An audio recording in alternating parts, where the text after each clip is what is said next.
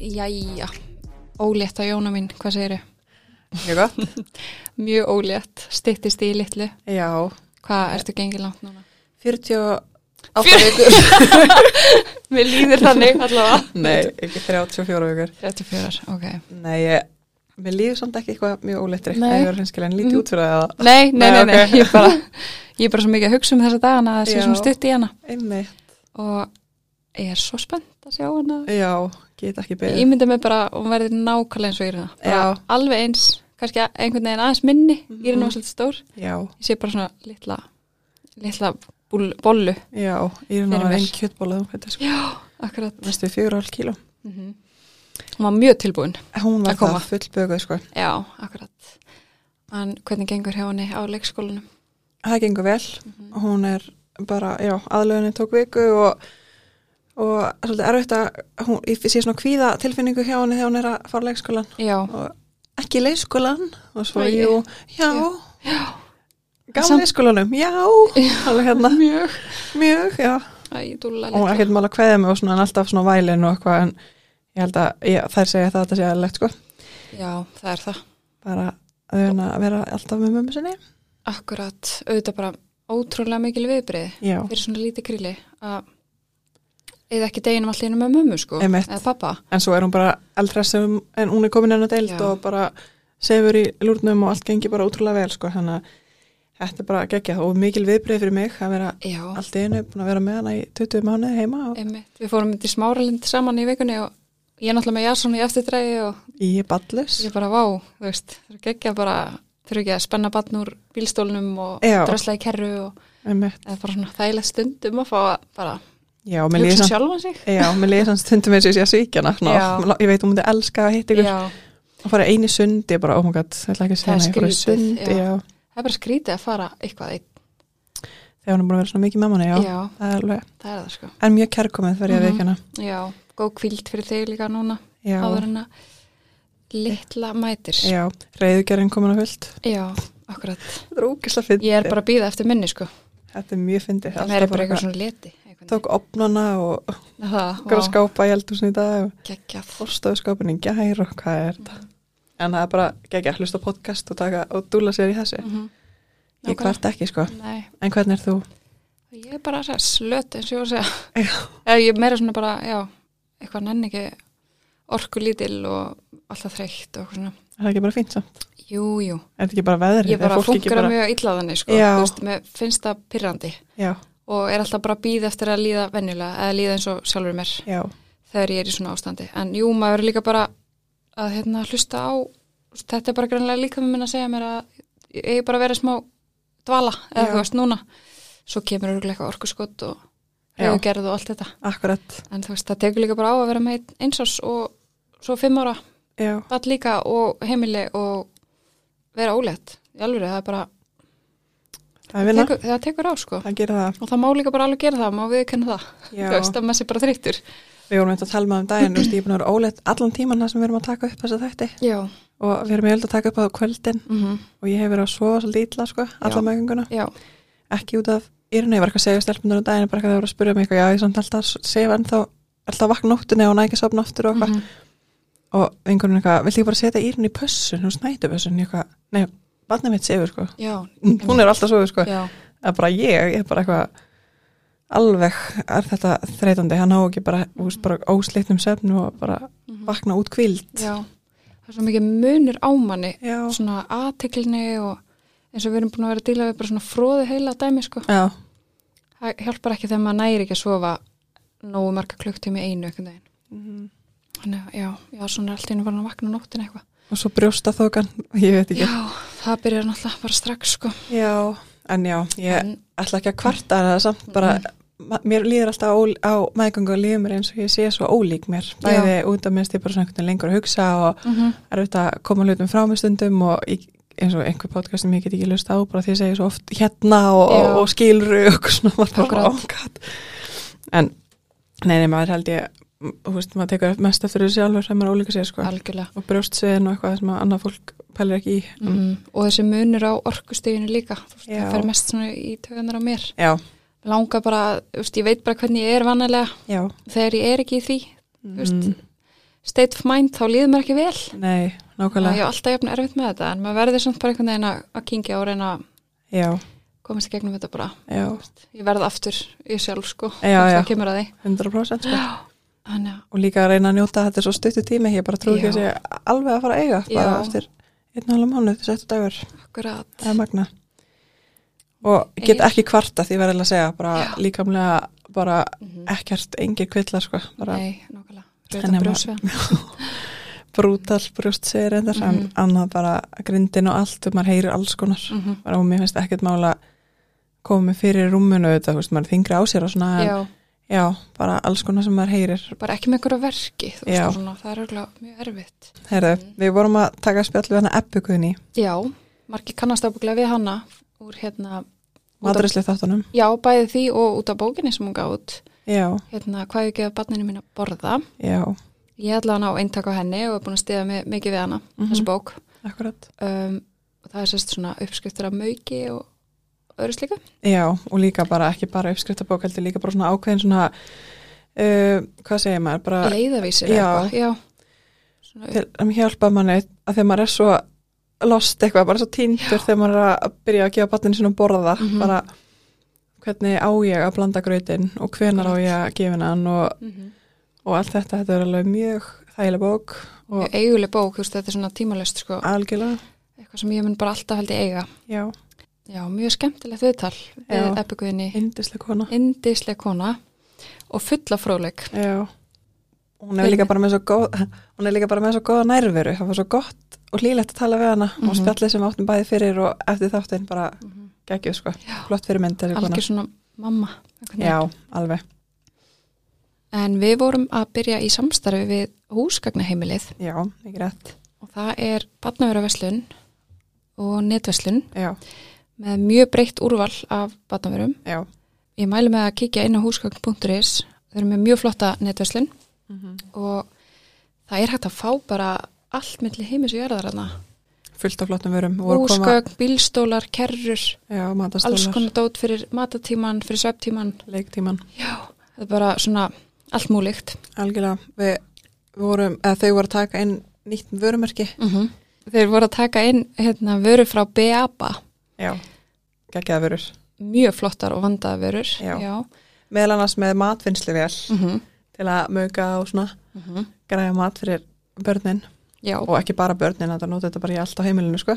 Akkurat, þetta er bara svona græja sem að gufi síður og mögar og hitar upp matinn, Akkurat algjör snild að græja og af þýðir afþýðir, já, Já. mér finnst það geggja líka og þú veist, þú getur afþýtt og hitað það er bara tilbúið og þeir eru alveg með þrjár típur, ég mæli bara með að fara og kíkja á hvað til nokkra liti líka En þáttun er líka í búið eitt fyrir að elda þeir eru með afsláttakóða fyrir okkur líka mm -hmm. 10% afslátt af matapökkunum Já, með kóðunum LÍF 10 líf tíu með stórum stöðum Já, kíkja endilegin á 12.is ef við ekki vinda okkur bara í þáttinn Jú, held ég Og ertu velkomin til okkar, Ebba Guðni Takk fyrir.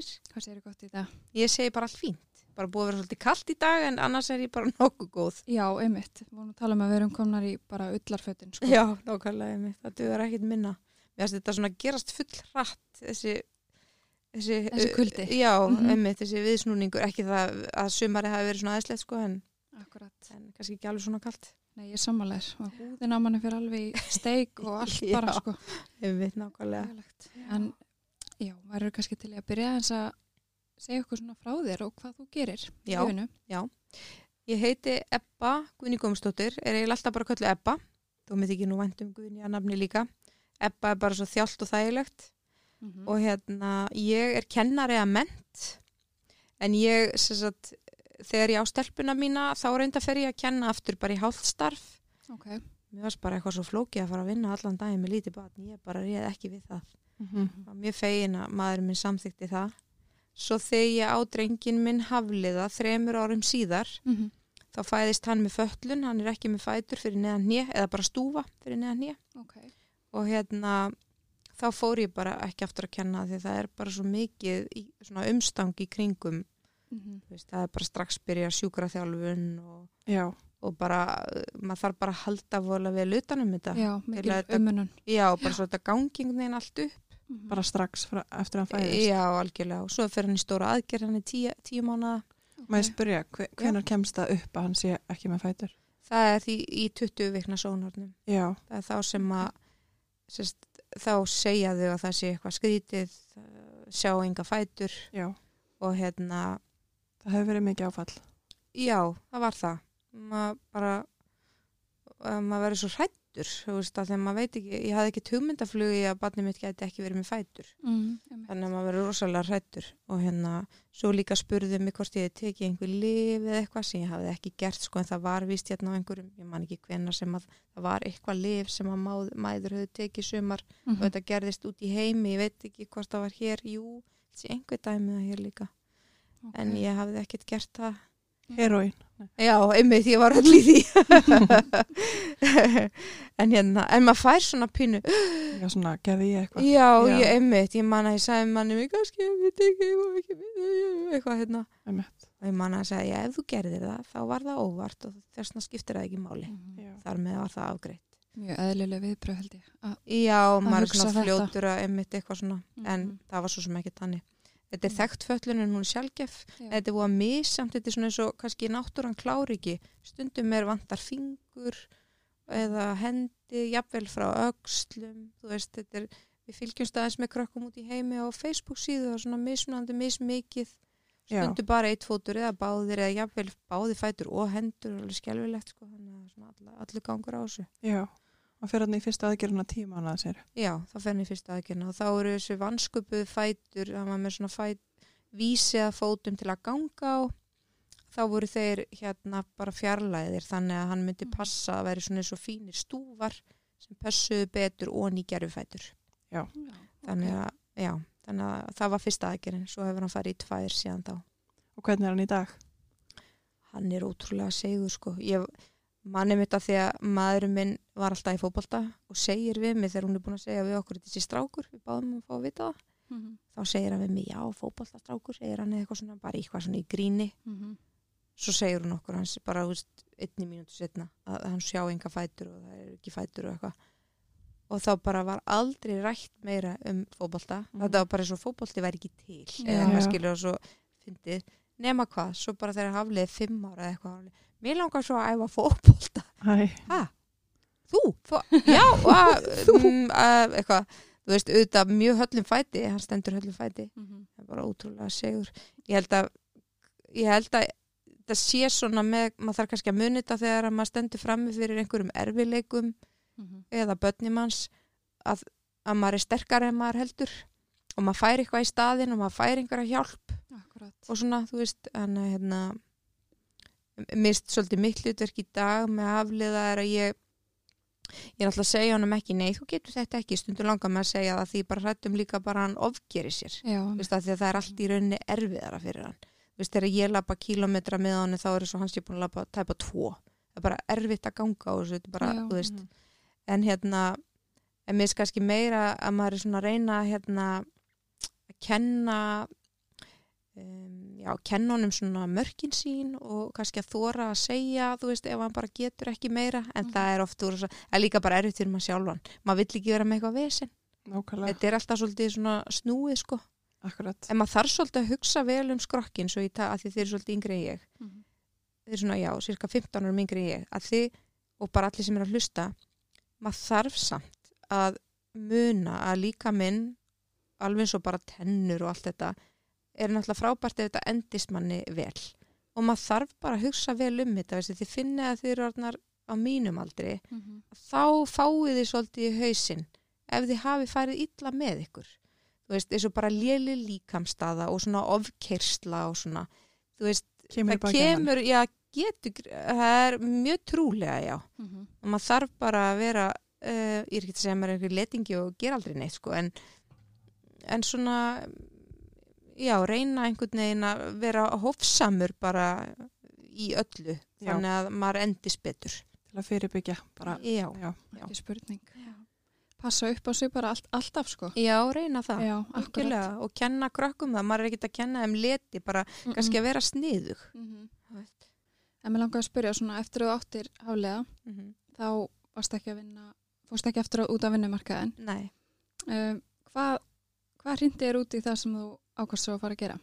Já, sko ég eh, hafði svolítið breytt mataræðinu mínu svona upp úr tvítugu sjálfa því mér leið bara oft svo illi í maga og það hefur svolítið einkjent mig og það er algjörlega ástæðan fyrir því að ég fer að spá í svona heilsu og hotlustu og eitthvað og hérna svo því að á stelpuna mína þá er ég voða svona spennt einhvern veginn langar að ala hann upp á hotlum og góðum mat að því minnst að skipta máli upp á líðan og líka bara þannig að hún þurfi aldrei eitthvað að breyta um mataræði af því að það bara mataræðin er bara fínt Já. bara búið að kenna henni svona góða siði Akkurat. Já, og hérna svo þegar ég á hafliða og ég reynda að skrifa henni niður svo mikið hvað ég var að gefa henni að borða því ég las svo mikið erlendar bækur svona um ba- baby food, Já. barnamat Það var ekkert mikið til á íslensku. það var bara ekkert sko, bara ekki neitt sko þannig að hérna, og ég skrifaði alltaf hjá mér eitthvað sem mér fannst niðut og eitthvað svona svo því á hafliða og sé fram á að ég mun ekki fara aftur að vinna einmitt. þá bara fer ég í að, að, að klára þetta og gera þetta í rauninni að bók og Ok. tók allt tíma þú veist, ég gefa hann út þegar að hann er tveggjára Já, árið 2007 ekki, Já. við erum fyrst út. já Bókina hvað á ég að gefa Ég barninu barninu mínu mínu að borða. Já, ég var mikið að spá hennan titilin máli var að ég var að byrja að halda námskeið ég- líklega bara strax 2005 lók 2005, byrjun 2006 að þá fer ég að halda námskeið og hérna um barnamat og var með glósur upp úr þessari bók sem var að fara að koma út sem að ég gaf fólki Já. þannig að þetta nafn var einhvern veginn strax komið svolítið í svona umferð þannig að ég ákvað bara að halda Halda því því. þó þessi titill var eitthvað vola langur en hann er allavega mjög skýr Það er mjög skýr og lýsandi yfir já, innahald bókarinnar. já, akkurat Og ég held bara að flestir fóreldrar kannist við þessa bók sko. já, Mjög Já. margir sem að nota, nota þessa bók Stegast sko. við hana, sko. Já, Já. algjörlega. það er Ég var alveg Og ég þar með sko.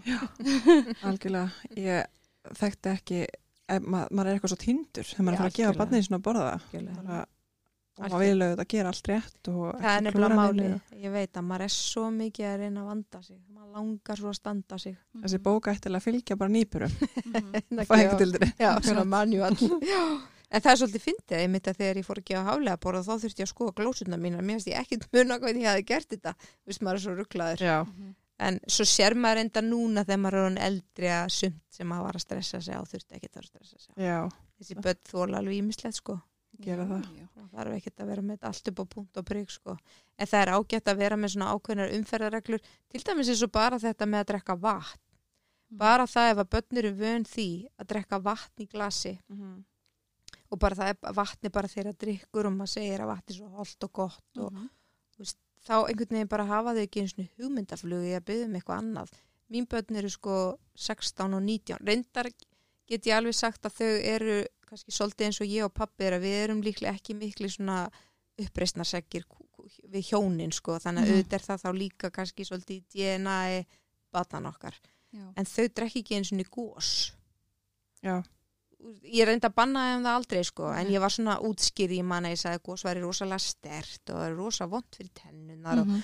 allir sem verður að drekka gósi eru alveg sjúkir í það og svo þau eru hann eldri þá fer maður að segja hvað þetta er dýrt og þetta er, þú veist, hérna f- f- maður er fljótur aftur bara á netjast og vant fyrir tenninar og, og svo er þetta plast og ég held að það sé mjög mikilvægt að útskýra fyrir börnum bara fljótlega af hverju við veljum betri kostina. Mhm. Já, skiptir Maður máli, skilji. að, því- já, að því þá eru þau miklu freka með manni í liði Já, og svo eru, en svo að upplægi eru börn ólík, sum eru þannig að allt sem er eitthvað bannað og eitthvað svona, þau eru alltaf í uppreist Já. Þú veist, sum börn eru bara þannig eða bara þurfa alltaf að prófa allt bara allt meira spennandi sem maður má ekki. Nákvæmlega, Já. sum eru bara þannig og þetta er eitthvað í DNA-inu sko, ég held að þetta sé ekkit uppeldið sko. Mhm. En svo eru önnur sem bara hlýða öllu sem mamma og pappi segja og bara reyna alltaf að gera eins og mamma og pappi segja. Já. Haflið var um þetta að gera grínaði um daginn að það var, það var eitthvað myndband sem að ég tuðaði svo mikið yfir, ég man ekki hvað hann er gamall en það var hann krakki. Það var eitthvað sem með Shakiru örgla og henni hérna Rihannu Mhm. uh, og mér fannst þetta svo ótrúlega ömulegt myndband, svona, þú veist, svona sexist eitthvað. Já, já. Þeim fannst Mhm. lægið skemmtilegt, sko, honum og hönnu. Mhm. Og ég er þarna tuðandi yfir þessu myndbandi og ég segi bara, ég vil ekki að þessi að horfa á þetta myndband og eitthvað svona. Mhm. Og hann var að segja, hann var svo stressaður þegar, að- þegar hann var að horfa, ég man ekki, hann var að horfa á eitthvað á YouTube og svo kom þetta, hann alveg slúið fór í því líkt patarinn að slökva, þú veist, að, að því að mamma sagði þetta, má, þú veist, hann er bara Já. þannig típa. Já, Ég já. hugsa þessi líka þannig að ef börn finna svona mikið öryggi e, til fóröldra sinna, Mhm. treysta þeim bara. Já, Það er einmitt. bara, bara finna þessa verðingu og Já, öryggi þá, já. þá lítaðu á þau og, Já. og hlusta sko, og hlusta, já, meiri akkurat. líkur allavega Já, það er örgulega rétt og líka kannski þegar maður segir líka þegar manni verður á Mhm. ég veist að það auki líka tröst að maður segir bara, veistu, að þetta var bara algjör drugl í mér hérna og bara fyrirgæðu og ég þetta er nú meiri villisann hérna eitthvað, eða mér þykir leitt að ég eitthvað, þú veist að maður bara alltaf ei, eða sérst, hérna maður sé mannlegu líka já, reyni aldrei að þykjast eitthvað, vera eitthvað annað að, það var einmitt annað sem Hanna saði við mig um daginn hún saði, það er nú bara eiginlega ekki hægt að vera fúll út í þig og ég alveg, ha,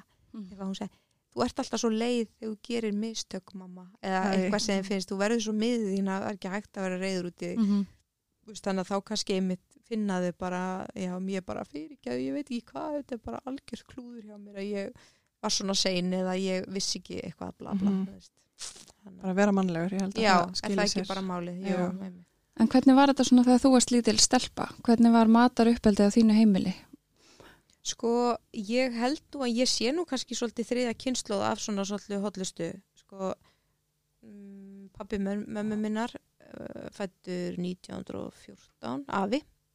Hann var svona að borða alltaf á náttúruleikningafélaginu og amm og afi ræktuðu græmmiti, það þótti svolítið skrítið. Og svona voru alltaf að reyna að hafa svona hotlan mat, en það var auðvitað töluvert að sigri, hús, kökur, bakaðar og svona, ég er ekki að segja það já, og mamma elda allt frá grunni og gerði barnamatin fyrir mig og bróðum minn þannig þetta er eitthvað svona ímanni kannski þú emmett veist, þetta er eitthvað svona og mamma alltaf með mat og mikið þú veist, og, og býr til matin þú veist, frá þannig að grunni alveg já, þú veist, auðvitað ekkit fullkomin skilur en samt svona það er, er svona aðalínan og hefur alltaf verið og finnst alveg gaman að búa til mat já, þannig að þá kannski þá kannski er þetta eitthvað ímanni líka ég veit það ekki Já, það er alltaf ekki langt að sækja þetta. Nei, einmitt, en Allt má maturinn, en maturinn þegar ég er að alast upp, Mhm. en, eins og ég segi það, tölvöld á millokkar, sko, maturinn á íslenskum heimilum var basically allstaðar sá sami. Já, Það skipti eiginlega engu máli hvort maður borðaði hjá vinkonu sinni eða eitthvað, þetta var alltaf sami maturinn allstaðar, það var Mhm. mjög fyndið. fiskur og kjöttbólur og Já, og Já. fiskibólur og stektu fiskur og soðin fiskur og sumir voru með svona eitthvað kjött, svona kálbögla, mamma var endar ekki með það mikið, en þetta var bara basically hryggur á sunnudegi eða eitthvað já. Þú veist, þetta var bara sami matseðlin Mm -hmm. mér fyndi sko og svona- ef að pappi eldaði þá voru stekta pulsur já, skarða niður, stekta þær og stappa úr svona, svona kartiblustappa úr einhverju svona pakka hún voru ekki svona hérna, hvað heitir þetta, bakaða bönir í dós með jú, örgla Mhm. stundum, fyrir hann kannski ég er svona hef ekki reynda að gefa mér og Jóhann það er bara Nei. svo fyndi sko og vingáðum minn sagði bara að hún fæði verk út í handleikin sko, hún rusið með mér þegar að pappi hennar elda það var eitthvað svipan en hún sagði að hann hefði líka sagt koktelsósu yfir og Já. það var allt mjög undarlegt sko, þetta er svona þessi kalla yfir sko. pilsunar yfir pilsutar, já, já, gæta því ok. og hvort það var ekki ostur líka eða eitthvað svona alveg furðulegt eitthvað, það er mjög fyndnar aðfarir þetta var líka svona kalla kalla sko, kannski pappi reynda fór svo að elda meira eh, aðeins sittna þegar hann fór að hafa aðeins meiri tíma Já, mér finnst það líka í- bara í dag þegar Mhm. ég úlst upp, mamma var óa mikið með, eða á mínu heimili óa mikið sami matur, já, en alveg fjölbreytt, Já, já. skutafiskur og allt þetta já, já, en svo núna hún er alltaf að prófa einhverja nýjar uppskriftir og því lít gyrnilegt bara svona hvar á metnar þegar við hún Já. lítið nú er hún komin á netið sko Já, og núna kannski getur hún aðeins bara um frjálstöfu strókið, þetta er svo eins og þið finnið þeir eru með börn, maður er bara svolítið eins og í þeiti vindu maður er með litla krakka Já, þetta Einmitt. er brjáluð vinna sko Akkurat, við erum einmitt í samstarfi með eitt fyrir elda Já, Mm. það er snilt. Já, hefur prófað það? Nei, ég reyndar hef ekki notað en ég veit þetta er snilt. Þetta er en það. ég samt er alveg farin að íhuga að p- að að gera eitthvað svona þó að ég álíti mig ágætis kokk og svona Mhm. út af því að bara, þú veist, maður verið svo leiður á því sem maður, þú veist, u- já, alveg fullt á öskriftinu, ég er bara hann leiðað um öllum. Já. Ég bara virkilega er farið að vanta bara eitthvað nýtt, sko. Mhm. Þetta er geggja upp á Og er- fjölbreytnina Já, akkurat, og þurfi ekki að hugsa. og þurfi ekki að fara út í búð Ég er nákvæmlega. og e fá bara allt, bara einhvern veginn Exa- tilbúið já. bara fyrir, Eina máltíð. já, Já, ég meina þetta er bara, ég held að þetta sé bara lífsbjörg, sko. Mhm. fyrir fóreldra og margir vilja meina að maður spari á þessu Mhm. að því ég tek alveg eftir því sko ég hef alltaf unni minna en maður minn og séðum allt svona heima þetta er bara mitt, ég er ekkit að byggja eftir að hann komi á eldi Þú Nei, veist, nei, hann, nei. ha, það, er bara, það er ekki þannig heima í okkur Mm og hérna og ég tek alveg eftir því að ég, þetta fer heilmikil tími í að nýta afganga þú veist að græja alls konar hlut og passa ekkert skemmist og elda og þú veist, Mm-hmm. ég skil bara ekki ef að, ef að ég væri að vinna alltaf til 5 Mhm. hann kemur nú aldrei einn fyrir hálf 7 sko eða eitthvað -hmm. þú veist, ég bara ég er ekki eldri ef ég þyrti svo líka að sjá um þetta allt og Já. líka fara í búðina og ég, það, Með er, sjá litla um börnin. krakka. já, það er ekkit eftir af mér sko Nei. það er nú bara þannig sko maður verður held ég og ég held kannski að ungt fólk þurfi svolítið að þú veist, ég veit ekki hvort að jafnbrytti er orðið meira á, á, á hérna eh, hjá ykkur Mhm. yngri kynstu örgla aðeins meira en en, en þú veist, maður þarf svolítið að hérna hvað á ég að segja, m- mér finnst alveg eðlilegt að annar aðilinn vinni aðeins minna Mhm. það er bara svo mikið á þessu blessaði heimili sem þarf að gera þetta Mhm. er bara svo heilt fyrirtæki Já, það er það. allur þessi þvottur og, og allt svona pant eitthvað og græi eitthvað, þú veist maður minn fyrir aldrei með börnum mín til tannlæknis Já. þetta er bara, ekki nefnir ég auðvitað í ringi honum og segja hann að ég að gera, hann er ekkit eins og myndi segja nei, Nei. en þetta er bara allt skipulag er alltaf á minni könnu, Já. og að þú ert að fara í veislu hann er ekkit að fara að veislu einhverja gjöf Nei, þetta er líka svo ekki mentalót sem við erum með. Þetta er við erum það. með þetta allt í, hérna, við veitum hvenna tannlæknatímin er og, Nákvæmlega. og allt það sko. eða hvort það er klipping eða það vantar eitthvað, þú veist, og Já, og þó að þeir taki eitthvað já, að þá Já. Mhm. samt er eða klippa neglur eða ég veit það ekki, þú veist bara listin er Já. endalus og svo að reyna að halda heimilinu svona sæmilega reyna þegar manni líður náttúrulega bara betur ef þetta er svona Mhm. sæmilega í lægi þetta er bara rosalega mikið vinna Svo dulið álag. alveg svakalega og þess vegna segi ég bara ég Mað, já, maður þarf þá að kaupa sér held ég bara einhver til að þrýfa eða eitthvað alltaf er hræðilt samt þegar að, fó- ef að fólk er sérst, um, ef að launin eru þannig að fólk getur ekki látið þetta ganga Já. nema að vinna eins og skeppnir bæði það er bara alveg hræðilegt, það, Akkurat. það ætti ekki að vera þannig að því að m- litli krakkar líka taka mikið, maður þarf alveg að hugsa um börn sem eru orðin eldri eins og mín börn þau þurfa líka svona aðtigli og maður sé að spyrja hvernig þeim líður og spjalla Já. og þau þurfa þetta allt Já, Það bara- er alltaf með svona ákveðna matatíma. Já, ég hef einhvern veginn bara haldið, já, út af því að það er einhvern veginn svona, ég sé það líka bara að þau koma alltaf heim, af því Mhm. þau vita að það er matur. Ef ég færi að vera eitthvað bara, æ, nei, það er ekki matur, þá kannski, þú veist, ég finna að þau gera, þau, þau gera einhvern veginn allt til að komast alltaf heim og láta vita af því að þetta er bara Já. eitthvað sem er. já, Já. einmitt. Þannig að hérna, ég held að það sé bara mjög gott og þetta auðvitað sé þetta stundum bara eitthvað, Ég held líka að gerist oft ef að fólk er ekki með þetta svona að þú kannski sérði ekki bara pappa eða eitthvað í Nei, þrjá fjóra einmitt. daga af því að þú Akkurat. hittir aldrei á hann nei, yfir daginn. nei, það er bara Þannig að þetta algjörlega. er mjög gott líka bara fyrir Já. fjölskylduna að aðeins að Fá svona samveru stund. dilla saman strengi sko. Já, Já, Mm. og svo sjáu þið þegar börnin ykkur er hann eldri að þá er þetta þessi, þá er þetta spjallstund en maður þarf alveg, börn eru svo misjöfn eins og stelpan mín er meira þannig að ég þarf að spurja hana, hún er ekki svo sem að segir mér allt, ég þarf að spurja hvernig líður, hvernig gekk og hvernig var þetta og, eitthvað, og þá segir hún með allt saman og fyrst það er mjög gaman hafliði meira að segja mér þú veist, kemur heim og byrjar að segja mér þau eru ólík þannig að maður þarf að passa að barnið sér segi minna, spyrja það og líður þér vel og eitthvað svona, leiðir vel með það Mhm, þú veist, akkurat. spyrja svo ekki bara hvernig gekk og Mhm. eitthvað, Eða hérna, var ekki gaman í dag? já, svona Eins og leiðandi sumir- já. spurning, Mhm. já, nákvæmlega Kemur ekkit út af því? Nei. Nema Bara já eða nei sko. en nákvæmlega, einmitt Bara að spyrja opinu spurningar til að hafa svona opið Já. samtal í matatímanum. já, Já. akkurat, Mhm. það er svo gaman líka þegar þau eru, þessi krakkar eru svo skemmtileg og þau hugsa svo margt, en ég já. held að margir kannski komist aldrei að því að þeir eru svona gleym einhvern veginn að ekki margir en sumir og það er ekki gott Mhm, missa, einmitt. missa allir af þannig Já, já. Akkurat. akkurat. Eru krakkanir eitthvað að hjálpa, hjálpa til við matatíman? Sko, ég er bara ekki búin að vera nógu góð. Um, ég var alveg að hugsa þetta hvernig ég, hvort ég sé um þetta ofdegraðug. Mm. Ég er náttúrulega að því ég hef unni minna, þá hef ég svolítið tekið þetta allt á mig og málið er að sko haflið er svo mikið á njánum heima. Mhm. Mér finnst bara, þú veist, erfitt að vera að byggja hann mikið, þú veist. Þetta bara gerist bara, þannig að hann verður kannski pínu ofdegraður þannig, sko, en Mhm. það er bara svo margt annað sem hann er að gera. En hann líka, og svo eins og hanna mín var alltaf að æfa, svolítið mikið var í dansi og hérna, eh, sem sagt, var í me allan mentaskóla, þú veist, kannski að æfa næstu í 20 klukkustundur, þú veist, á Já, viku já. og líka í skólanum, Mhm. þú veist, þannig að þá einhvern veginn, þú veist, ef ég byrði þau, jú, og þau þetta ganga frá disknum sínum og eitthvað svona, en fannst það erfitt þegar það er svona mikið, að svolítið mikið álag, vakna mjög snemma, mér skólinn byrja svo snemma eins og mentaskólar Mhm, Einmitt. einmitt. og hérna, og haflega erum til fótboltanum og er eitthvað að vinna smá líka og svona og þá, þá er ég svolítið svona bara, er ekkert hérna, já, já, nú bara gangi því frá öllu, að því minnstu bara eitthvað að vera með svo mikið, eitthvað allt þetta heiman á, að því þau eru bæði samviskusum, Já. Veist, það er ekki eins og þau séu bara eitthvað að gera ekki Sóðar neitt, og- sko, að haugar. Já, nei, en, þe- já, en það er kannski lík út af því já, af því að þau eru ekki sóðar og þau eru ekki haugar og þau eru ekki vanþaklátt. Mm. Mhm, Þau eru ekki heimtufreg. Þú veist, og þá, þú veist, Getur þú slaka á kröfunum, finnst það Ah, bara... já, kannski með svona, þú veist, en auðvitað, eins og ég segi, ef að ég, ef ég, þú veist, þau ganga frá sínu og Mhm. ef ég byði og svona, en maturinn er bara svolítið mitt, sko. Já, ég heldur sért líka bara alltaf að leggja inn í bankan með vera fyrirmynd fyrir þau, þau sjá hvernig Já, þú gerir þetta og hvernig þú læra smátt og smátt og Já, já, vonandi. geta svo vonandi stað á einn fæt- fótum þegar þau fara að heiman sko. Já, maður vill það náttúrulega. Á maður ekki bara að degra þessu börn með henni en að vera heima.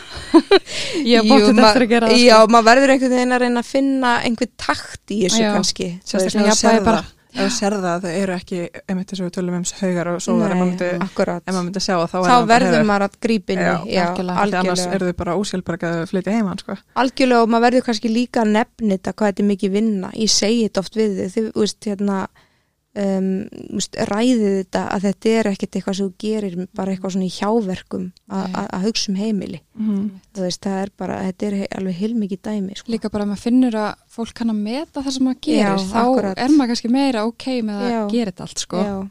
Ég hef til Það sem dæmis segir, ekki, þau já. hafa ekki verið að segja veist, oi, er þetta í matin veist, Nei. það, ég, það, veist, þau eru ekkert svoleið Nei. en auðvitað hafa einhver lengt tíma gert það lítil einhver tíma sagt eitthvað en þá er það bara heyrðu sko Mm Mhm. og þá útskýrir maður veist, þetta er rosa vinna, ég fór í búðina ég var að, ég var að hérna, elda ég, er, veist, ég get ekki alltaf verið með góðar hugmyndir ég man alveg eftir að teki einhvern tíma svona ræðu en ef að þau eru svolítið skinu þá skammast þau sín strax og fatta bara já ok, þú veist Já, maður þarf oft bara einmitt að útskýra og, og, og gera það þannig að þegar maður er ekki brjálaður Já, einmitt. og þreyttur reyna einhvern veginn að gera það svona þannig að maður er bara að útskýra svo, veist, já, akkurat Mhm.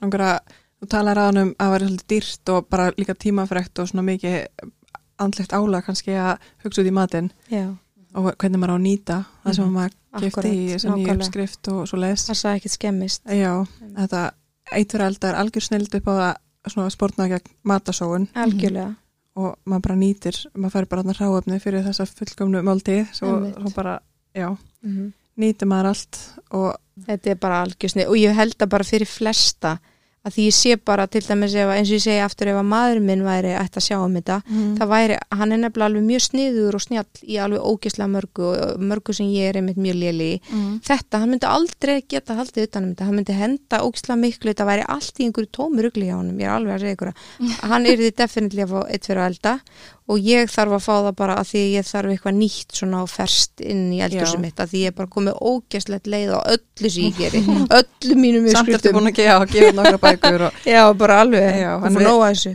erum einmitt með afsláttakóða, við fengum afsláttakóða Já, já, líf tíu, stór, stóri stafir Ok. líf tíu, líf sem að tíu, hlustundu geta nýtt sér. ok, Já. og ég Já, og, já þú líka. það er tíu brúst afslátt af, af pökkunum já, Þau bara- geggjað. Græja kóðan hann í lokin þegar þið eru búin að fara inn á Að- að bóka. 1.is og, já, og velja ykkur hvað ykkur langar í. ok Mm, mjög aðgengilegt Já, og ég finn það um þetta, mér finnst tægilegast við þetta er að ég er með í ískapnum bara að búa að ákveða hvað er í matinn. nákvæmlega, að því Mér það finnst það svo gott. að því það er líka held ég, var það ekki hérna Steve Jobs sem að var alltaf í sömu fötunum eða Jú, átti bara jú. 700 rúlkarabóli að Já. því að þá var það einu færri svona ákvörðun eh, Já. til að taka að því Já.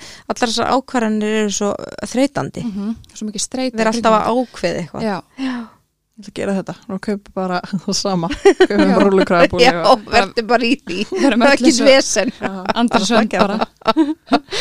Akkurat.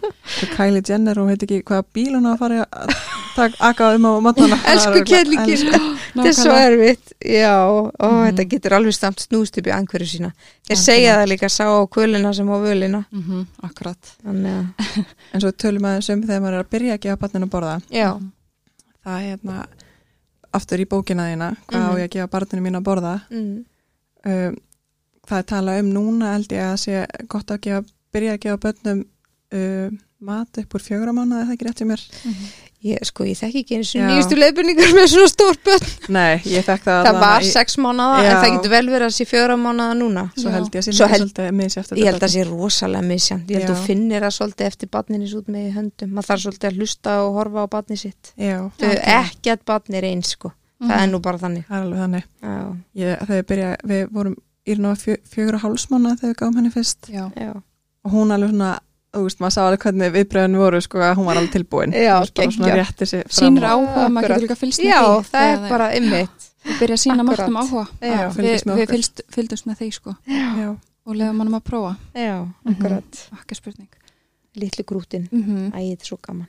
Það gerir það. en mér langaði þess að skipta svona um gýr og við vorum að tala um áðan hérna gamla dag, hvernig maturum var það og voru bara Mhm. allir að borða það sama basically, en Mhm. í dag er þetta svolítið annað Allt og annað. rosalega mikið af unnu maturum komnar í umferð Já. og uh, mér langaði að spyrja það svona aðeins út í að þú eru með börn í skólum og Mhm. leikskólum Já, já, það er mitt. hvort þér finnist að við sem að bjóða börnum upp á nógu og holla mat í skólakerfinu okkar eða hvort við getum kannski gert aðeins betur Já, við getum gert betur. Ef þú ránkólur í augunum treystir þér hérna. að fara inn í þetta Já, já, algjörlega. Ég held þetta sé bara eitthvað sem flesti vita. Auðvitað Já. eru skólanir eitthvað misjafnir. Mhm, Þeir eru það. mhm, og sjálfsagt fer það svolítið eftir kokkinum en svo fer það líka bara eftir þetta er einhverju samningar við bo- nei, hérna, sem bo- borgin vantarlega gerir þetta er svona útbóð eins og það er kallað og þá er bara verið að taka ódýrasta mhm. oft hérna, tilbóðið sem er þá kannski síst, eða ég veit það ekki þetta er að sjálfsagt eitthvað misja Já. Vist, ég þekki þetta ekki alveg í þaula en, Mhm. en þetta er hérna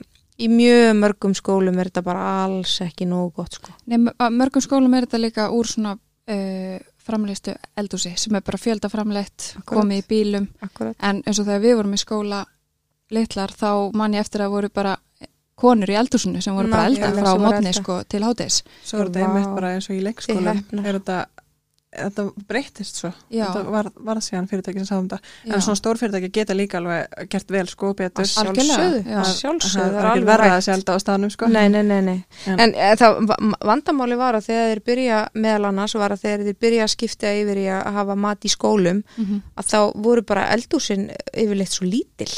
Já. Já. Ekkert gert ráð fyrir þessu vandanlega og þá einhvern veginn bara var erfiðar að, svo, að, hérna, að gera mat frá grunni sko. Mhm. Kanski líka starfsfólk og eitthvað svona. En sko, málið er að ég, hérna, Hanna mín var á Valdorf leyskóla Mhm. auðvitað er það bara lítill leskóli en það er bara elda og þau eru svona meiri segja svolítið eh, viðloðandi eldamennskuna Já. en ég man að mér fannst rosalega sniðugt, það var svo mikið sístem þú veist það bara var á mánudum var bara, nú man ég þetta ekki alveg en hvort það var græmit súpa bara á mánudum og heimabakabröð á þriðutum var bara græmit spuff, Mhm. á miðugutum var pasta Já. og á fimmtudum eitthvað og á föstudum var heimaböku pizza ég er ekki að segja að þetta þurfa að vera matseðilinn Mhm. og, og flotta að hafa fisk og kjöt en hérna að reyna að hafa þetta bara eitthvað svona rosa auðvitað þetta var ég er eitthvað innan súpunar skiluru Mhm. en hafa þetta bara eitthvað svona þannig að þetta sé einmitt ekki of flókið Já. en stundum eins og eigi að vera svo mikil fjölbreytni og það verði stundum á kostnað gæða Já. mér samanlega því.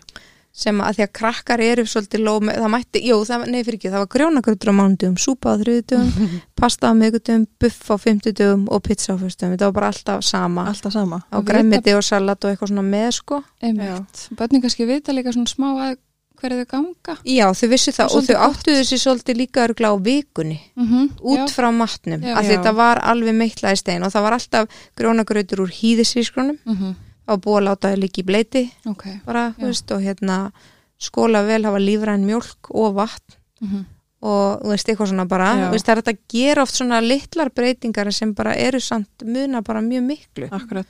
og nú þyrfti að vera tveir pottar þú veist, með, bara með jurtamjólk Já, og fyrir- venjulegri, þú vegan. veist, það eru svo algeng Já, ekki það ég hef alltaf bara notað eða jurtamjólkina, minnst hún fara betur í okkur Já. en hérna, hvað ertu þá mest að kaupa? ég er mest að kaupa þessa bleiku sigulösu í sóla Já, Já. hún er Möndlu. alveg hrein möndlu, hún er voða góð hún er Mhm. alltaf dýr en það eru nú einhverju afslátt á daga núna eins og í nett og fólk vil kaupa sér nokkrar Þanga mjög næringarík. Já, hún er það, hún er svona, ég gerir svo mikið þeitinga á mótnana eins og fyrir, ég geri oft fyrir haflega, hann er bara að stúsast eitthvað með fætuna og svona, þannig Já. að ég er bara ofta að reyna að létt honum lífið Mm Einmitt. og hérna, og þá er mitt, ég síndi það nú á Instagram um daginn, mér finnst það alveg svolítið sniðut, ég hafði ekkit sett það áður og þá, ég kaupi sérst glútenlösa lífranna hafra Mm -hmm. sitt smá í, í krukku, svona einhverja sultukrukku stóra og hérna, svo sitt ég sjóð, þá sitt ég kannski 1-2 desilitra og sitt svo helmingi meira á sjóðandi heitu vatni, ég sitt alltaf nokkur fjallagrus, þau eru svo góð fyrir hálsin og bara margt fleira og smá kanill og smá túrmerik svo geimi ég þetta inn í ískáp þú veist, þetta verður náttúrulega eins og hafragrauta þetta er alveg sjóðandi bullandi vatn og leifir svo hræra hans í þessu í krukkunni og leifir svo standa bara í smástund, loka krukkunni og sitja inn í ískáp, þannig að svo þegar ég gerir þeiting fyrir hann, hann er æfir svolítið og er svona þetta stór, hann er bara að verða maður, þá sitt ég smá að hafragraut kannski tvær, þrjár matskeðar fjórar, þú veist, misjant og smá prótein, köpa eitthvað gott prótein að því hann er bara svona, já, þarf Mhm. bara að því að þeir, eru- þeir, þeir, eftir, ef þeir eru með stráka þá allt í einu kemur að því að þeir eru alltaf svangir, það Já, er svona já. Mhm. úlingsaldurinn þeir eru bara alltaf svangir, þú veist, maður er bara alveg, já, það- ma- matinn, já, það er þú veist, þeir eru bara, by- byrjar að spyrja um kvöldmatinn klukkan fjögur, sko, Mhm. en hérna þú veist, og einmitt í sólamjólkin og svo sitt ég möndlumöku að tahini þú veist, það er fita og prótein líka og svo kannski smá kakó eða ekki Mhm. og, og kannski smá banana eða smá döðlu eða, eða smá epli eða eitthvað bara bland smá bláber og banana eða eitthvað og Mhm. Já. þeit- þeiti saman, ég setti þetta þetta er inn á Instagraminu mínu pjúrapa ok, svona, þá er ég að meina svona uh, uh, skrift svona sem er hægt að maður má alltaf breytinni en bara svona eitthvað viðmið akkurat þannig að þetta er sniðut Mhm. voða að gott. hafa þetta eins og þú segir í ískapnum það Já, er svona alls konar það er góða í þægilegt, og geta já. bætt aðeins af því út í Já. bara vennilega smúði Já, maður er og oft úl- bara að setja banana og jarðabæri og eitthvað svona Já, sem að hleypir gleymir svolítið, já, gleymir, hleypir svolítið blóðsikrunum upp og Já, svona og já. kannski heldur þeir ekki söttum eins lengi. Þetta er svona uh, orka sem mann, er svona, heldur manni lengur svona blóðsikrunum sko, akkurat Einmitt. af því að það er fita á prótin líka. Ég er svolítið í að hafa krukku með tíafræjum, Já. vatn tíafræ Já. og bara ein matskeitt og Það einu er bústi. geggjað, það er Mér geggjað, það er ég ger það líka. Já, það er svo ekki auðvelt að lauma Algjörlega. möndlum og einhverju svona netusmýri og eitthvað til Já. að fá aðeins meira Já, emitt það er svona, einmitt, eins- eins svona þetta, þessi substans eins og maður kallar þetta, þannig Já. að maður verður ekki bara strax aftur Já, uh, svangur og úlingar oft, þeim hendar oft vel að drekka bara eitthvað svona á mótnan, auðvitað er bara mjög misjant mhm. en maður er lengur auðvitað að borða graut og það sé notalegt einmitt. Mér langaði einmitt svona í sambandi við þetta já, því nú er ég með eitt lítinn Já. uh, einsás og Já. ég man að ég pældi líka í þessu ég átti stelpunum mína um, þegar maður er með kannski börn sem er ekki komin í skóla já, og þú ert eina sem ert að gefa barninu að borða já, Þú veist, ég man ég hafði svo oft áhyggjur af sko, hvort hann væri að fá nóga fytu nóga af þessu er ég búin að gefa mikið brauð í dag eitthvað svona, já, já, ég skil. æskilum maður bara Já. vill gera vel og þessu Já. fá öll næringarefni sem við þurfa já, ég veit það maður- og þetta ég vefst, hafur vafist oft fyrir mér ég skil það mjög vel. og svona í lokdag sem maður bara bytti fekkan banan í dag eða fekkan Mhm. hérna Já. eitthvað fytu eða lýsi eitthvað svona Já. þannig að mér langaði að spyrja hvort þú svona hefur einhverja þumalputta reglu fyrir svona samsetning á mat þegar þú ert með svona ungböld hvað þarf maður svolítið að passa upp á Þú verður að duglega að setja alltaf ólíu út á graut til dæmis eitthvað svona sko, ég held eh, sko, ég held að fjölbreytni þarf ekki endilega að vera innan dagsins Nei, það innfaldar þér lífið Mhm. ef að þú kannski hugsar að það sé meira bara innan vikunar já, emitt þú veist. Nókuð ég þurft að heyra þetta. Ég er Já. alltaf, ég er svo obsessed á hverjum degi bara já, Já, bara síðast Þannig að ég áður var en það hún kom nefnilega í líka prótein. já. Já, ég var það líka og ég Mhm. sé bara núna að það þarf ekki þetta Já. er ekki svona mikið þetta er, það er miklu bara vikan eða mánuðurinn sko. já, ok og þau líka kannski svolítið sækja í eh, hérna eitthvað og það er oft erfitt, getur verið erfitt að stýra því þó auðvitað stýri maður miklu þegar maður er með litla krakka mm -hmm. en hérna það er auðvitað sko, til að blóðsíkurinn sé ekki á miklu flökti mhm, þá er auðvitað gott þegar maður er að borða einhver kolvetni hvort sem að það eru hafrar eða brauð mhm, eða mm, Pasta. Mm. já, pasta eða eitthvað slíkt grjón. grjóni eða eitthvað, já að hafa einhverja fytu mhm. og jafnvel eitthvað prótin en að því að fitan e, svona mettar slæra á sætinda þörf og svona gefur manni fyllingu, Mhm. prótinið þetta líka, börn þurfa samt ekki drosalega kröftut prótin Nei, fyrstu sex árin þá er ekki mikið stress með prótin þau fá hilmikið prótin úr grófu kottni ok og ef maður vel, reynir að velja einmitt lífrænt og gróft og ef að fólk hugsaður bara að hef ekki efna á því að þá bara, þá bara kaupir maður hins einn en það sem ég kannski vil samt nefna er að þú borðar minna þegar þú ert að borða gróft og næringaríkt mm mm að því að líka minn einhvern veginn hann verður mikið fyrr sattur af næringu Já, það er eins og hann hafi sens. eitthvað svona já, það er nefnilega eiginlega meikasens mm Mhm. hann finnur svona, já, byrju, ég er alveg mettur, þú veist, að hérna mikið í þessu á meðan að maður oft næri ekki þessari svona réttri settu þegar að maður er að borða drastl já, Já, bara einföld kolvetni. já, það Já. er bara einhvern veginn, þú veist, já þannig að þú veist, ég til dæmis blæsi, ég kefti mest frá Grímsbæ brauð þegar börni mín eru yngri, í Mhm. dag eru við meiri í súrdegsbrauðinu, ég bara misti þetta svolítið úr höndunum sko, en það er þó allavega súrdegs, en ég gemdi þau alltaf í fristi til að ekkert færi til spillis Mhm. og bara ristaði eftir þörfum, setti alltaf mikið smjör, Mhm. Þú veist, það var bara svona eitthvað sem ég gerði, Mhm. þá er fita, um, eða setti ólíu, ólífólíu, Já, þú veist, og til dæmis grjónagrautur, þá var enda var ég vola mikið bara með ísólamjólkina og var ekkert að stressa mig svo sem endilega á neittni fytu Notar Það- möndlumjölkina í, í já, í Grjónagraut, grjónagrautin, já. ég ger það ég Sama síðu þar. upp úr vatni en sitt svo möndlumjólkina hérna, bara þegar að vatni er í rauninni farið þá set ég möndlumjólkina og þá verður þetta svona, þá líka Já. spararu já, mm. já. ok og hérna, og til dæmis þegar ég gerir grjóna, nei hérna um, hafrana, þegar ég sitt á svona í krukku, þá sitt ég bara þú veist, 1 slítri hafrar og tveir sjóðandi heitt vatn, en svo því ég sitta í bústi þá er þetta orðið bara mjög þygt og þá Já. auðvitað nota ég mjólkina möndlu móti. til að ná þessu svona saman í þeiting sem verður svona aðeins krými sko, þannig er ekki mikið fita í ísólamjólkinni það má líka sitta smá eh, eins og í þeitinga eh, lífræna með mér stum og góð svona abje jógúrt það er full fita í henni eða skilur bara svona ekkert búið að eiga við hana Já, Mhm. einmitt. sitta tvær skeiðar eða, eða gríska jógúrt tvær skeiðar eða eitthvað Mhm. þá Já. kemur líka svona smá fita Já. Er ekki fita í möndlumjölkinni? Voða lítil. Já, af því þetta er bara möndlumagnið er ekki mikið, það er 5% eða eitthvað já, ok. það er ekki það mikið en hún er, en hún bara rosalega góð en auðvitað getur maður gert möndlumjólk sjálfur Mhm. það er ekki mikið mál það er bara eitt hluti möndlur og fjórir af vatni Mhm. og svo getið þið sett eina tvær döðlur eða, eða þú veist, einhverja sætu Mhm. en hún er viðkvæm, hún Já, súrnar hratt já, Þú emmi. veist, af því að maður nær aldrei að hafa þetta hreinlæti sem þarf að vera Mhm. Nei, þannig að maður þarf svolítið að nota það hratt en það mætti alveg sita bara fimm möndlur í þeitingin sko, Mhm. mm veist einmitt, ég gerði það oft sko. já, akkurat Og það er eins en- og bara með ferðunar, það er, um leiðum að opna þær þá bara endast þær mjög stutt. Sko í sólamjölkin samt, mér finnst hún endast vel í alveg tíu daga. Já, Hún gerir það. en ekki með við dagsetningu sem stendur á, Nei, af því að um leiðum opnar hana þá, já, Mhm. það með Já. tíu dagar er já, svo, alveg langt, sko. já, já, tíu daga, já, en ekki eitthvað bara þrjá mánuði. Nei. Já, En aftur á móti eins og möndlumauk og tahini og hnetusmjör sem að maður getur sett í þeitinga, Mhm. líka smurtón á brauð, líka smurtón á eplaskýfur, Já, uh, banana eða eitthvað, Mhm. að þetta endist rosa vel inn í ískap. Mhm. maður bara fer með reyna skeið alltaf onni að því að leiðum maður er, setur munnvatt sama við mat, það eru bakteríur í munnvatnin okkar Þá og byrjar að skemmist það svo rætt já. nákvæmlega en, hérna, en möndlumeik og tahini og þetta gemist mjög og maður er að setja teskeið að matskeið út í eins og þeitinga, þar er prótein og fita og steinefni Mhm. Þú veist, kalkar, rosa mikið kalk í tahini og möndlumeiki og möndlumuta og ég hef aldrei nota, ég hef einhvern tímann þegar ég var að gera hummus eða eitthvað. þá Já, hef ég notað tahini, Já, Já. Tahini er fínt mótvægi, þú veist, ef að maður þólir það, mér finnst það rosalega gott. Um, Ústu, ég, ég, úst, á móti eins og að því ég gerir svolítið af þeitingum, mér finnst það fínt mótvægi stundum, Mhm. Vist, ég er alltaf með annarkort og, eða smá gríska jógurt eða það er þessi fita sem maður er að hugsa um kannski einmitt. Einmitt.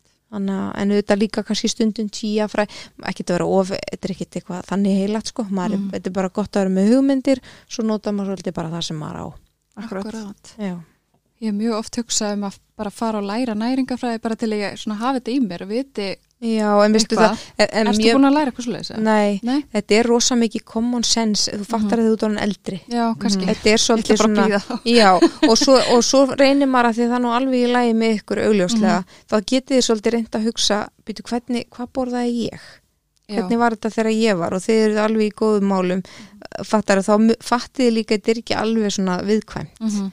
Þú Nei. veist, maturinn ég manna þú veist, þessi- jógurt var rosalega sigrað til þess að ég er krakki Mm. Skóla ykkur. já, einmitt á Ungir skóla bitni. var alveg bara, já, þetta var bara Byrjaði eitthvað svona daginn á sko. þessu sko. já, ég meina þannig að ef að við erum í lagi þú veist, þá Já. maður þarf ekki að vera alveg svona stressaður en já, Nei. ég myndi segja ef það er einhver kólvið það var alveg gott og til dæmis út að bjóða upp á pasta Mhm. það er gott að hafa ólífólju Já.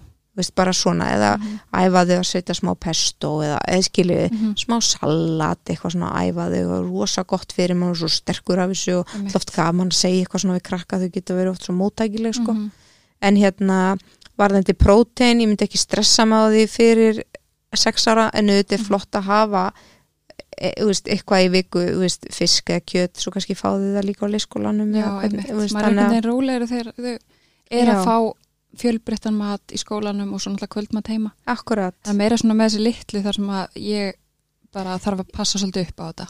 Já, Á sko, já, þú veist, en f- fitan er hlutfallið, þú veist, hún er samt ekkit meira, börn svona til tveggja ára þurfa samt alveg næst í helmingi meiri fitu en við, Já, af því að heilin og miðtöðkerfið er að, Mhm. að, hérna, að þroskast. mm -hmm. Þannig að ma- maður getur alveg sett svolítið, þú veist, hérna, svolítið af fitu, já, Þú bara veist. kókosolíu, grautin eða smjör já, eða, eða smjör eða ólífólju eða, eða Avocado, smá, ekki? já, avokado, já, sem sagt bara hérna, já, einhverja svona, eh, veist, einhverja góða fytu, hann til ímsar óljur en borga sig Mhm. að hafa þær í dökku gleri, já. Mhm. mm svona hérna vand, vand, vandaðar óljur, Mm hamfræ er þau ekki líka jú, hamfræ og þau eru Já. góð fyrir húðina, já, Já. og þau eru með exem eða eitthvað svo les. Það gerði undur fyrir strákinn minn Já, með mikið eksam meðan fættist eða nokkra vikna. já, Nú er hann eins og svo þetta bara farið á hann sko. og en dásanlegt. Hann nota hamfræ.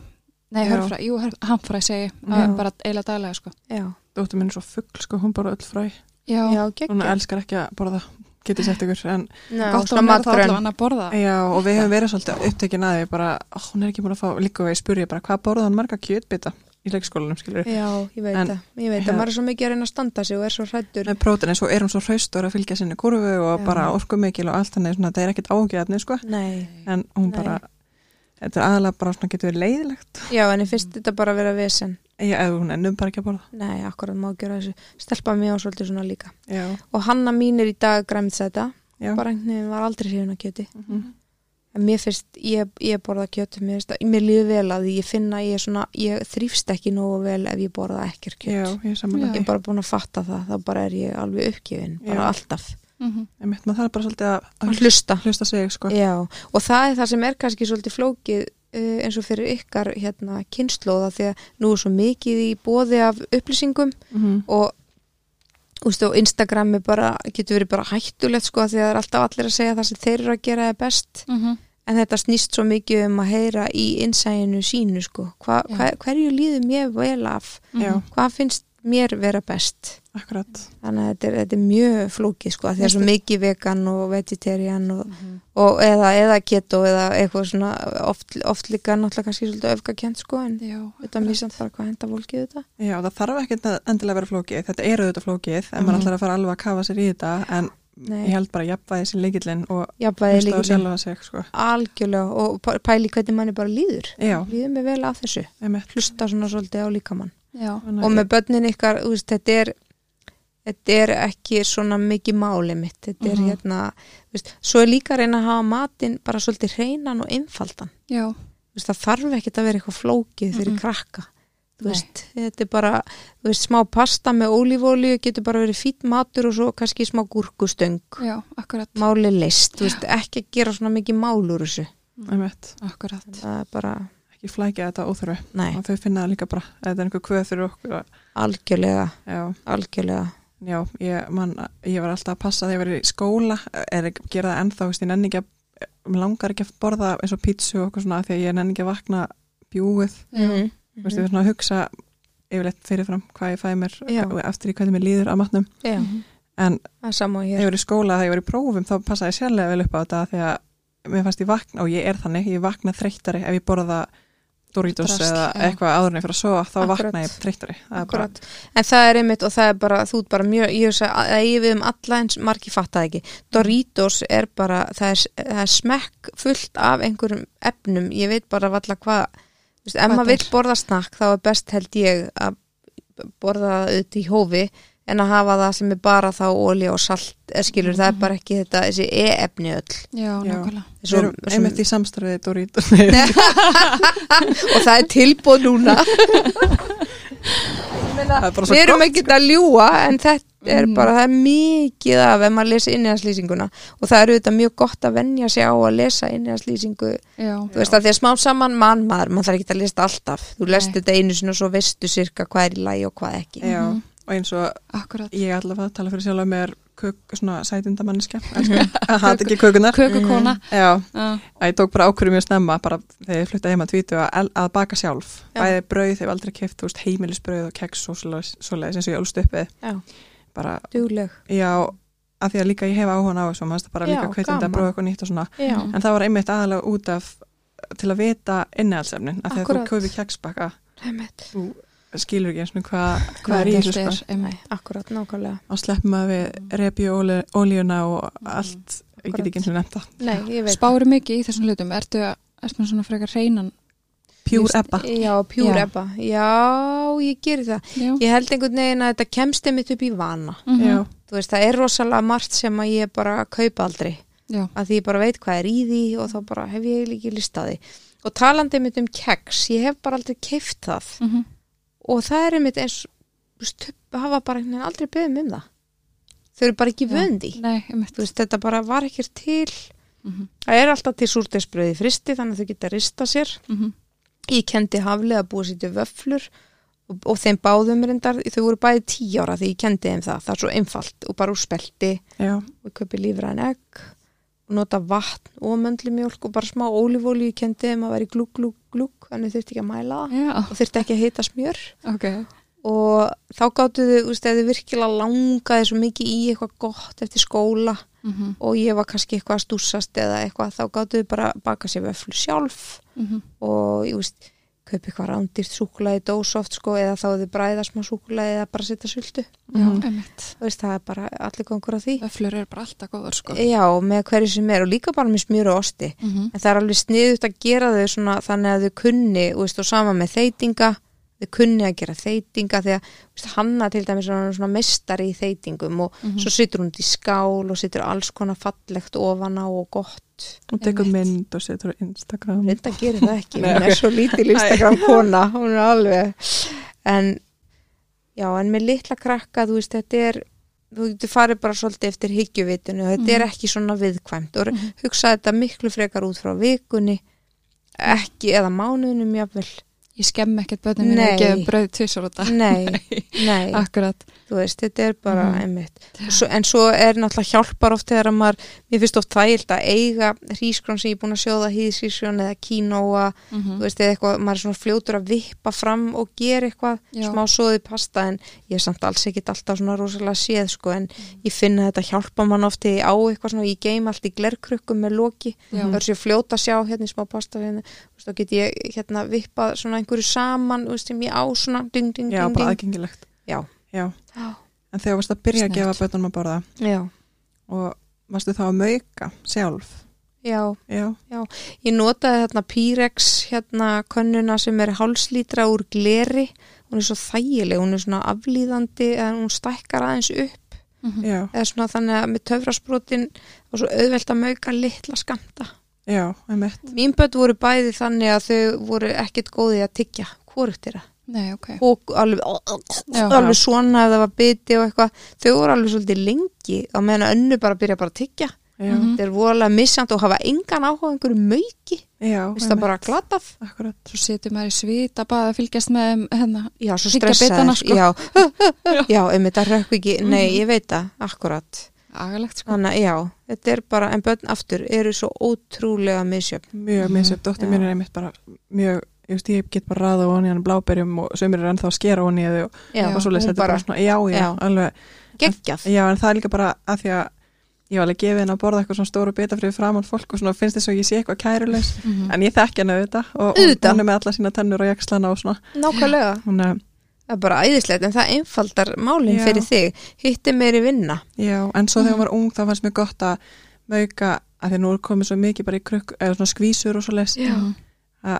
bara upp á að hún fái meldingakerfið virki þannig að hún fái einhverja þygt, bara einhverja kekki eða þú veist bara Já, eitthvað annað en akkúrat. bara, akkurat, bara mjölk og, og mauk sko. akkurat já, og gröyt á hérna já, maukaði ég sjálf og uh, notaðist það mitt við bókina eina fullt af flottum uppskriftum þar og ekkit, ekkit endilega heilagt að fylgja þeim alveg nei, eftir guð, nei, þetta er bara Nei. viðmið en þetta er bara ótrúlega hugmyndir mikið, já, fullt af hugmyndum Já, og alveg. svo gerir maður bara sitt já, já, þetta er, þetta er svona bók á bara að vera notu þannig Já. til að gefa manni innblástur já, þú veist. akkurat og við erum einmitt í samstarfi með húsgagna heimilinu Já. Mhm. og þau eru að gefa okkur afslátt af nýju, þau voru sem sagt að taka nýtt merki Já. Bejaba. Já, þetta er, ég er bara, ég hef keft í bandarækjunum, þetta er Mhm. franskt merki, hérna Já. keft í bandarækjunum, hérna einhverju veru frá þeim, Mhm. bara svona matastell, Alls konar fyrir Já, matinn. alls Bara konar, gæðavörur, gæða verur mjög stílhreinar og flottar. já, algjörlega, Svona kjút, sko. ég get alveg sagt að þetta er, við erum búin að skoða þetta, þetta eru gæðavörur og já. þau eru með einmitt matvinnsluvél. Ah, Og nú erum við al- báðar, ólittar og ætlum að fara, erum að fara á staði mög sísón. já, nákvæmlega og matvisluvel er líka bara snill ég, ég gerir köku sem ég á eiginlega alltaf til inn í kæli, maður minn borðar hana sko í morgumat, Já, hún er nú á Instagraminu mínu, já, en það er einmitt svona það sem að ég er bara að, fyrst að, að nota matvisluvelina til að, að hérna, mala pekanhetur og Mhm. kassjónetur eða möndlur eða eitthvað, þú veist, með salti svo setjum ég döðlur og kannski nokkra sveskjur eða fíkjur eða eitthvað Mhm. þá er komin svona eins og botn svo setjum ég eitthvað krem orna sem er þá annarkort möndlumauk eða möndlu, döðlu og kókosmjör frá Rapunzel eða já, net, það er snett, netusmjör eða eitthvað og svolítið Já. salt og svo súkulaði efst já, þetta, þetta nota maður matvislu sko. það þarf ekki endilega að nota þetta bara fyrir barnamatin. nei, þú getur notað þetta fyrir Heilar. alveg hvað sem er Já, þetta er, Ég- þetta er mjög þægilegt Einmitt. Ég persónulega hef ekki átt svona græju áður sko. Nei, ég hef heldur. alltaf nota bara töfrasprota og verið að gufa sig á með siktinu hérna. já, Er alveg svolítið maus að já gera það, þetta, er finnst mér. það algjörlega, En maður gerir þetta nú fyrir sig gríli. algjörlega. Þannig ég er mjög spennt að prófa þessa nýju matvistu vél hjá húsgagnheimilinu frá Já. Beba Já. og hún sérst er eða svona 4 in 1 hún gufið síður, Nei, blandar af þýður og endur hitta matinn þannig að wow. ég þarf ekki að gera neitt núna Já. með barnum með þrjú Nei, þetta er djók. geggja Já, Þetta er geggja allavega um að gera að prófa þetta og Já, og bara nota sér svona einfalda sér lífið Já, sko. bara guðum já Ég er öll fyrir það núna Já, þegar komið þriðja 100%. ég bara trúðir allt Þetta er sem að- bara, ég veit að allt sem gerir lífið einfalda Já, algjörlega, og þá getur þið gert kannski stærri skamta og frist bara og svona ekki spurning og þeir eru með, með alls konar ílát frá þessu merki svona til þess að frista Já. og hérna, ég hef oft séðin á svona mömmugrúpum að einhverja leita af svona þægilegum mm. stærðum af ílátum til þess að geta sett Já, nógu stóra skamta skilið út og mann er kannski ekki að vera af því að Nei, mikið í einu Nei, Einmitt. einmitt og ég sá að þeir eru með alveg fullkomi, fullkomin ílát já, fyrir mögið ok, Geggja og já, mjúkar skeiðar og vélinn heitir Baby Cook Já, og það eru til nokkra típur já, af henni Við stýrar, væntarlega já, já, og bara svona tvöfaldar eða einföld og mm. Þannig ég mæli með að fara inn á húsgögn.is og skoða Já, úrvalið sem hvað er í boði? Biaba er með. Já, Já. og svo veit ég með svona vélar að þær eru mjög góður í endursölu Já, það er þú ekki- getur ef ef þú- ert- ef þú- já, hættir að nota hana eða eitthvað Mhm. Akkurat en já, það sem við hefum heyrt er að þetta er bara gæðið út í gegn sko ég já.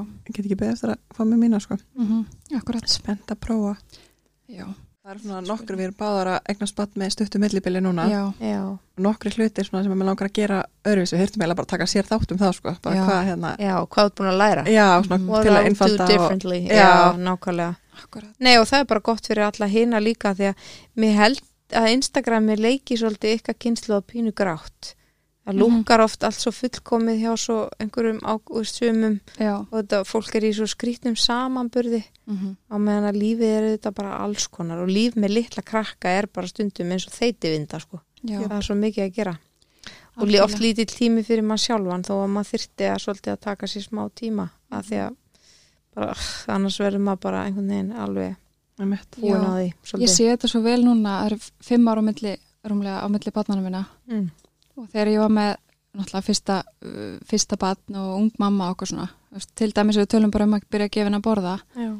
ég á með bókina þina og ég bara, ok, hérna er mög, þú veist, mér fannst þess að ég veist að gera þetta ákveðið Eh, akkurat. hún á að byrja á sætum kartöflum og gulrótum eitthvað svona, Svona, ég veit það. þú veist, og maður vildi ekki gera neitt vitlaust Mm. Nei, og einmitt. viti, hún er áttamann og ætla hún megi prófa þess að gúrkubita hérna, Akkurat. þú veist, maður var Ég veit hérna það. og örgulega fleiri sem tengja, en ég núna skrifa niður allir. eitthvað, passa Já. bara lauk, tómat, jarðabir, Já, eitthvað svona, eitthvað svona svona ónæmisvert. hvenar Bara í stressi, ég veit það. og svo núna með strákið minn, þú veist við bara gerir þetta nákvæmlega sem mig langar að gera þetta Fylgja og svolítið þú veist, innsæinu. ég rétt honum ekkert netu skilur við fimm ána, en Nei, nei. maður veit alveg hvað maður er Já, að já. gera Akkurat, en maður er mikið örugari bara í akkurat. Að hérna- Sittu betur í sér einhvern hann veginn. var mikið yngri að byrja, byrja að fá mat sem við vorum bara að borða þú Akkurat, veist. sem er geggjað. Með Af Því okkur það er og- náttúrulega miklu einfaldar. Já, ekki Ef spurning. að þau geta farið að borða hann Mhm, fljóðlega. Nákvæmlega.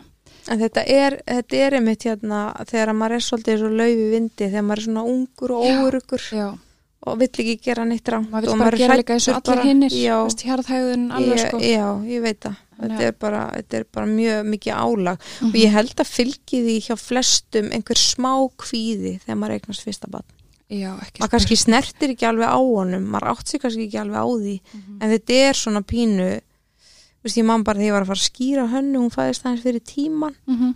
og ég var svo bara hrættum að einhver myndi smita hann og gera hann að veika og ég Einmitt. ég man ég ringdi sko um miðja nótt að því gæti bara ekki sofið upp á Já. spítala og, og var að tala við einhvern lækni sem var síðan ótrúlega góði við mig, einhver ungu maður það er þetta verður allt í lagi það verður bara allt í lagi, ég á líka snóbatn og við ætlum líka bara um að skýra og þetta verður allt í lagi, ég var bara já, heldur, heldur það alveg bara, þú veist, maður er svo eitthvað viðkvæmur já maður bara þarf að vera rosa góður við mæður sem er eignast fyrsta batn Mhm. en svo þarf maður að fara í gegnum þetta til að læra algjörlega, þú veist, það er, Mhm. þetta er bara partur þetta er af programma held ég svona alltaf bara Já, þú veist, hjá algjörlega. mömmu og ömmu og allt þegar það er að vera eitthvað fyrstu börn þú veist, algjörlega þetta er eitthvað sem maður þarf bara að live and learn sko Jú, ekki spurning. En mér langaði að spyrja þig aðeins út í, nú er mjög mikið úrval af uh, skvísum og krukkumat og svona fyrir ung börn, Mhm. kannski sem var kannski ekki mikið í gamla daga. Þú veist, það var kannski Nei. bara gerber, krukkur, Það var Eitthvað? hipprindar líka. eða það, já. hipp ok. sem er lífrænt merki í kipti það stundum. Mhm. Það var gott auðvitað að hafa stundu krukku ef maður er á einhverju þeiti. Einmitt, Já, og maður eitthvað- gerir það. Já, ég meina, eiga eitt í, úst, bara í viðlugum, þú Já. veist, í veskinu. Ég er alltaf með, ég elska hipp sko, alltaf Já. með bara Já. í Já, skólanum bara, eitthvað. þú veist, maður vil bara vera safe, sko, ef Já. eitthvað kemur upp á. En, En, nú er, það voru enga skvísur, það var ekki til. Nei, það var, það er frekar Nei, nýlegt, nei, nei, nei. einmitt. Nú er ég að svoleiðis. hugsa bara, það er örgulega fullt af fólki sem vill bara nota þessa vörur Mhm. og hérna er kannski ekki mikið að mögka og svona. Nei, en nei.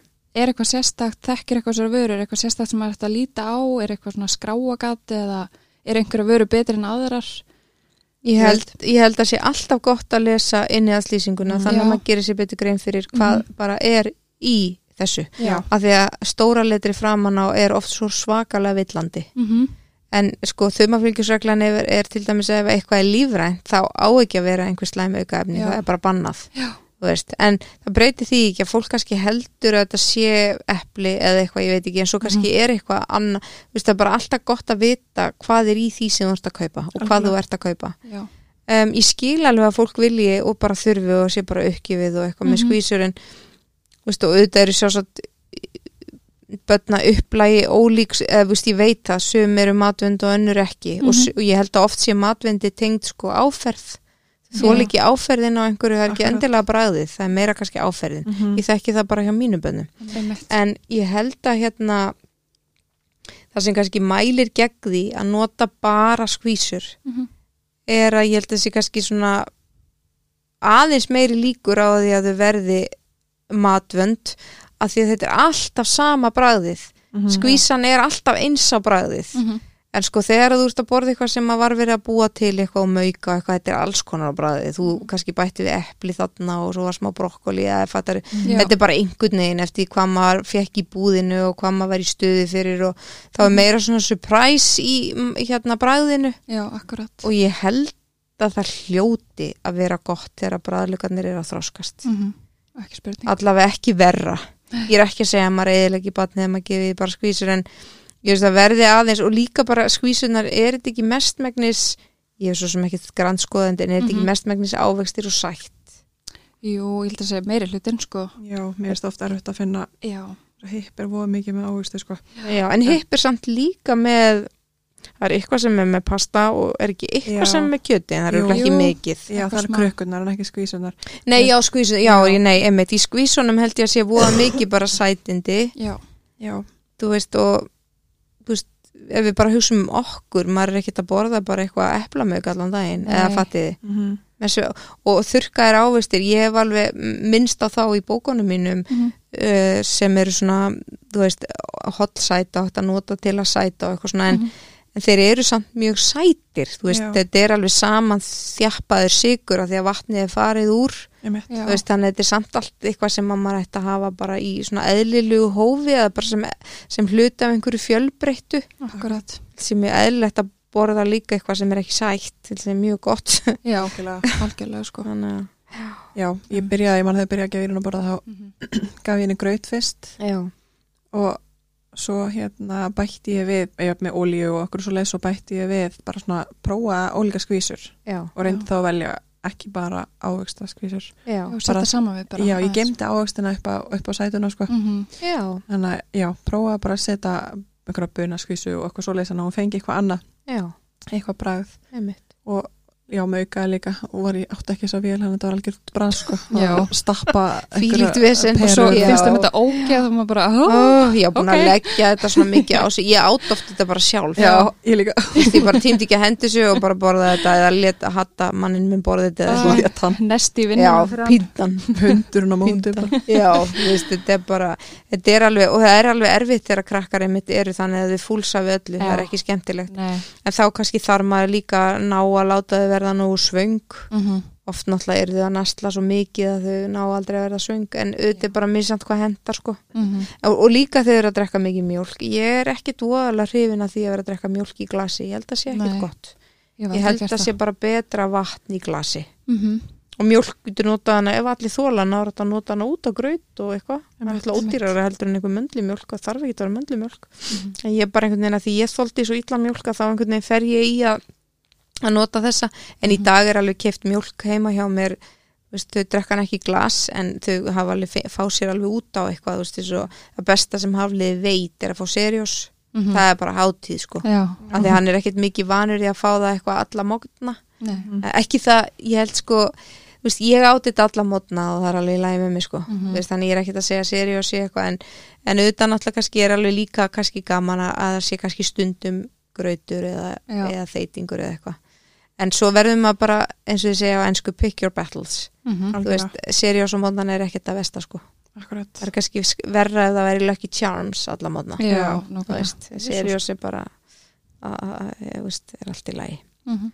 ég ætla ekki að fara að láta einhverjum líða illa, þú veist, þetta er, þetta Já, er ekki þú ert með tvær ólda konur þarna sem eru klubun að borða óhóflega mikið á sér Já, það er, Enda ég svona. mann reyndar eftir því að þegar ég kunni bara minna elda og var einmitt hérna með stelpina minna brjósti, Mhm. drakk mikið og svona og alltaf, ég var alltaf svöng Já, að þá ummitt, ég man alveg eftir að hafa stundi fengið mig serióskál því ég var búin að gefa henni miðan nótt mhm. svo ég var bara svöng og bara Bara vantaði einhvern veginn vantar. eitthvað í magan sko. Vá, fengi ég svo harkalega sko Já, en svo núna því ég er hann svona flinkari að elda og svona og orðins kannski sniðugari með svona eigi eitthvað til, þú veist ég á til dæmis mjög oft steiktan kjúkling þú veist Já. þá er ég bara búin að steikja og hann er bara í krukku tilbúin steiktur upp úr ólífólíu, góðri ólífólíu og góðu krytti Mhm. og, veist, og þá finnst mér bara geggja að fá mér smá og smá salat með og sósu sem ég bý til Mhm. þú veist, ég bara kunni þetta ekkert Má ég koma heim til þín og borða? Já, En byrju, þú varst alveg að fá þér þetta með að nót Nei, Búin að reyndar gefa henni ekki. brjóst Nei, þá, þá fekk ég bara, þá fekk mér bara seriós. ég Já, já, er bara já. að segja, núna er ég orðin svona, uh, kannski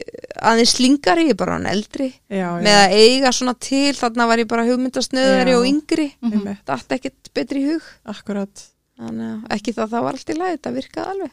Já, Akkurat. En ég verð að segja að þú lítur ekki út fyrir að vera eldri. Ó, takk ykkur Kannski er fyrir. það allt sem, eða hotla sem þú ert að borða. Ó, En ég þú veit lítur það ekki. Rosalega vel út. Já, takk ykkur fyrir, sömu leiðis. Ég ætla sér ekki líka bara ef að maður er svona nokkuð gladur og svona, Já, þú veist, það hjálpar allt. ekki mikið streyta í lífinu og svona. Já, Ég ég, held að hugsa það að- geti- já, ég held að það eldi mann Veðra fólk kannski hraðar. mjög Já, hratt sko. það gerir það. Já. Þessu nefnir þar maður að hérna, stundum að borða bara seriós. Mhm. Og líka þetta með að hafa ekki svona miklar áhyggjur. Já. Þú veist, þetta er allt í lægi. einmitt, Það er allt í lægi að borða áholt og fá sér hambúrgur og franskar og fá sér stundu kók og, og ís og whatever. þú Veist, það, bara njóta þið sko. akkurat, bara Ég- jafnvægið Já, það er bara þetta jafnvægi. Það er svo slæmt að vera alltaf með það. Og það var nú eitt sem ég reyndi, eða það var nú kannski svolítið memma að þakka að vera ekki að koma inn samvinskubiti hjá krökkunum. Það er auðvelt x lengi að halda frá þeim Já. eh, alls konar svona af því þau bara fattit ekkit og er ekkit, þú veist, að, þú veist, já en svo kemur að því að þau eru bara komin inn í ringiðu, það er ammæli og það er svona og hins einn eða þau fara til ömmu og afa sem eigi eitthvað og eitthvað lalala Já, og þá bara er alveg hræðilt að vera komin einhver samvinskubiti hjá þeim eða vera að segja að þau megi ekki fá Já. það er miklu verra heldur en að leifa en þá bara maður getur þá alltaf gefið þeim eitthvað smá holt áðurinn þar í ammali, þá Mhm. borðaðu Já. það eins minna þessu óholla og eru með eitthvað holt svona undir já, Já. Þú veist, en já, svona bóð og bönn og refsingar og láta mann fá samviskubit, ég hef enga trú á þessu, ég held sem allt mjög slæmt. já, Já. einmitt. Bara að vera gladur. Hvernig var þetta með þín börnir reyndur að halda sætundum frá þeim fyrsta árin eða? Já, og maður verður náttúrulega svolítið íktur, ég var það auðvitað svolítið, ég var samt heppin að hafa mömmu sem svona hjálpaði mér að verði ekki einhver ruglutallur, Mhm. en hérna, en með hönnu, ég man að hún hafi ekki verið þryggjára þegar hún fattaði einhvern veginn í afmæli að það væri eitthvað svona, þú veist, Já. ég hafði alltaf bara tekið eitthvað svona holt, ég gaf henni alltaf að borða áðinu fórum, Já. þannig að hún var bara mettir, hún fór og fór bara að leika sér. Það er mjög gott ráð. Já, þú veist, þá bara, er það bara frá þannig að, Mhm. og, svo, og svo ef hún vildi eitthvað eða var svöng þá var, val, valdi maður eitthvað holt á borðinu Já. þegar ég vildi eitthvað en svo mann ég alveg einhvern tíman að hún bara benti á köku, bara eitthvað súklaði köku og þá bara skar ég strax sneið Mhm. gaf henni og reynda bara vasklas ég man að hún borðaði einhverja tvo bita þú veist, þá bara hún ekki vön sætu þannig að þá bara borðaði hún ekkert meira sko Mhm. það var ekkert meir úr því Mhm. en, en, hérna, en svo smám saman upp úr þessu þá, þá fer þetta stundum að, að að vera eitthvað svona einhvers þar þar sem við erum eða hjá mófa eða eitthvað og mamma hjálpaði mér að bara anda mig í gegnum það þegar þetta gerist ekki neitt það kom ekkert fyrir hana Mhm. Nei, og hún varð ekkert eitthvað sjúk í sætindi eða neitt svoleiðis, það var bara þú veist ég hafliði fekk allt mikið fyrir hann er yngri Já. Já, Það er svo bara auðvelt svo með það fyrsta er. Bat, sko. já, nákvæmlega, Allt þessu svona aðeins frá. svo já. sér það eldra barnið og já, en Já. þá- Vil fá líka. Mm. akkurat og svo er maður líka, svo getur maður þú veist, en svo eru þau oft svo sniðu maður segir, já, þetta er svona spari Mhm. þú veist, það, þú veist, og svona útskýra við erum fyrst að borða smá holt svo fáum við svona á eftir að því þetta er svona spari og, Mhm. og vá, fær þú fjögur það er ekkert smá mikið eitthvað Já. óslega lítið en þau alveg, vá, þetta er óslega mikið af því þau halda náttúrulega allt sem maður segir er alveg rétt Já, já. og þess maður getur nýtt sér alls konar Já. svona Við gerðum líka eitt með stelpun okkar. Við leiðum henni bara að rekast á alveg reyndar nokkur sinnum já, en bara leiðum henni að bara borða fullt að nammi já, og við Og sögum finna við hvernig hann leið. alltaf áður bara að þú er að passa, þú getur fengið illt í maðan já. eða mann líður ekki droslega vel af svona miklu námi Mm en þannig þurfti hún bara að reyka sig á og núna Akkúrat. veit hún það alveg nákvæmlega Ah, Þurfum þau ekki að eru segja. nefnilega engi bjánar Nei, nei, akkurat, þetta er mjög snjált Mhm, algjörlega. og bara, já Já, þetta er bara mjög, ég man að einhvern tíman voru við einmitt í útlöndum á McDonalds mm -hmm. og þau byggja um, hérna, f- heitir það McFlurry, nei það sendi þarna ísinn Mm.